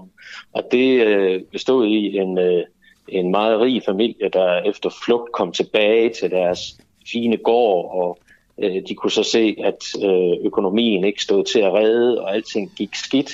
Der var en masse forslag i lang tid fra en masse mennesker om, hvad de kunne gøre, men familien foretog sig intet, og må til sidst forlade deres ejendom med øh, lyden, til lyden af kirsebærhaven, der bliver, der bliver øh, savet ned, øh, fordi man intet foretog sig. Det var skrevet som en komedie dengang. I dag opfører stykket faktisk alene som en tragedie. Og det er jo det, som øh, spændingsfelt, som Venstre står i. De er nødt til at foretage sig noget, efter i alt for lang tid har sat sig mellem to stole, og ikke have foretaget sig noget, hverken over for Lars Løkke Rasmussens moderater, midtsøgende politik, eller over for Inger Støjbergs højresøgende politik. Og nu er man nødt til at gøre et eller andet, hvis ikke Venstre skal ende med at gå fra at være det store parti til at miste deres domæne til lyden af en kirsebærhave, der langsomt saves ned. Den erkendelse tror jeg er nået. Og så er det spørgsmål om, hvilken retning man vil tage. Jeg vurdere de meldinger, der kommer her, som en, skal vi sige, et ønske fra en lang række af Venstres øh, medlemmer og, og, og Venstres skal vi sige, øh, profiler om, at øh, man træffer et valg om at definere sig som det store liberale parti, øh, frem for at gå den nationalkonservative vej. Og det er ret interessant. Skal Venstre til at fuldstændig redefinere deres, øh, deres kernevælger? Fordi det man, de jo stod blandt andet fast på, at landbruget ikke, ikke skulle røres i forbindelse med, med, med klimaaftalen. Man kunne forestille sig, at der var mange, der, der stemte på dem af den grund. Øhm, skal, skal de redefinere, hvem det er, der er kerne venstrevælgere nu? Øh, nej, det behøver man absolut ikke. Øh, man kan lære en hel del af det, som Mette Frederiksen foretog sig, da hun blev formand for Socialdemokraterne. Det var at gå tilbage og vedkende sig sit gamle DNA, sin gamle historie, øh, som jo har rod i andelsbevægelsen og meget mere end den der lommeregnerliberalisme og nationalkonservatisme, som vi har set præge Venstre igennem øh, de senere år.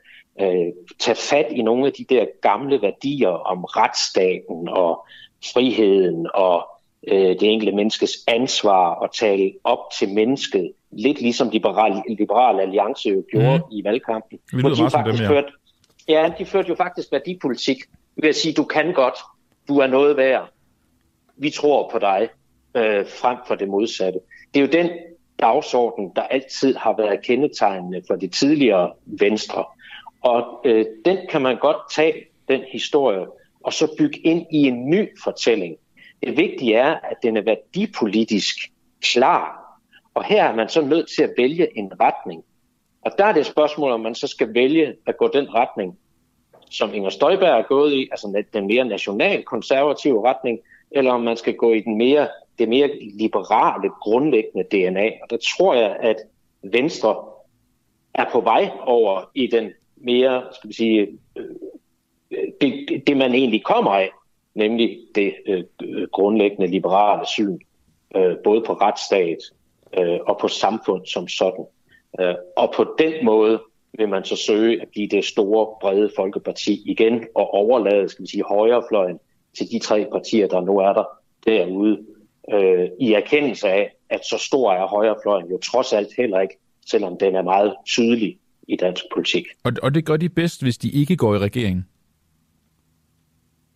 Det skal jeg ikke vurdere. Jeg tror bare, at Venstre kan risikere med den størrelse, partiet har, har at blive meget lillebror i forhold til øh, Mette Frederiksen. Øh, hvis jeg skal kigge øh, taktisk, strategisk på det for Venstres vedkommende, så øh, vil jeg nok øh, lave en rådgivning, der hedder at lade være med at gå i øh, regering. Men, men øh, øh, ikke desto mindre, så er der jo, øh, skal vi sige, så ligger der jo en, et signal, en signalværdi i, at man siger, at man rent faktisk gerne vil afsøge det.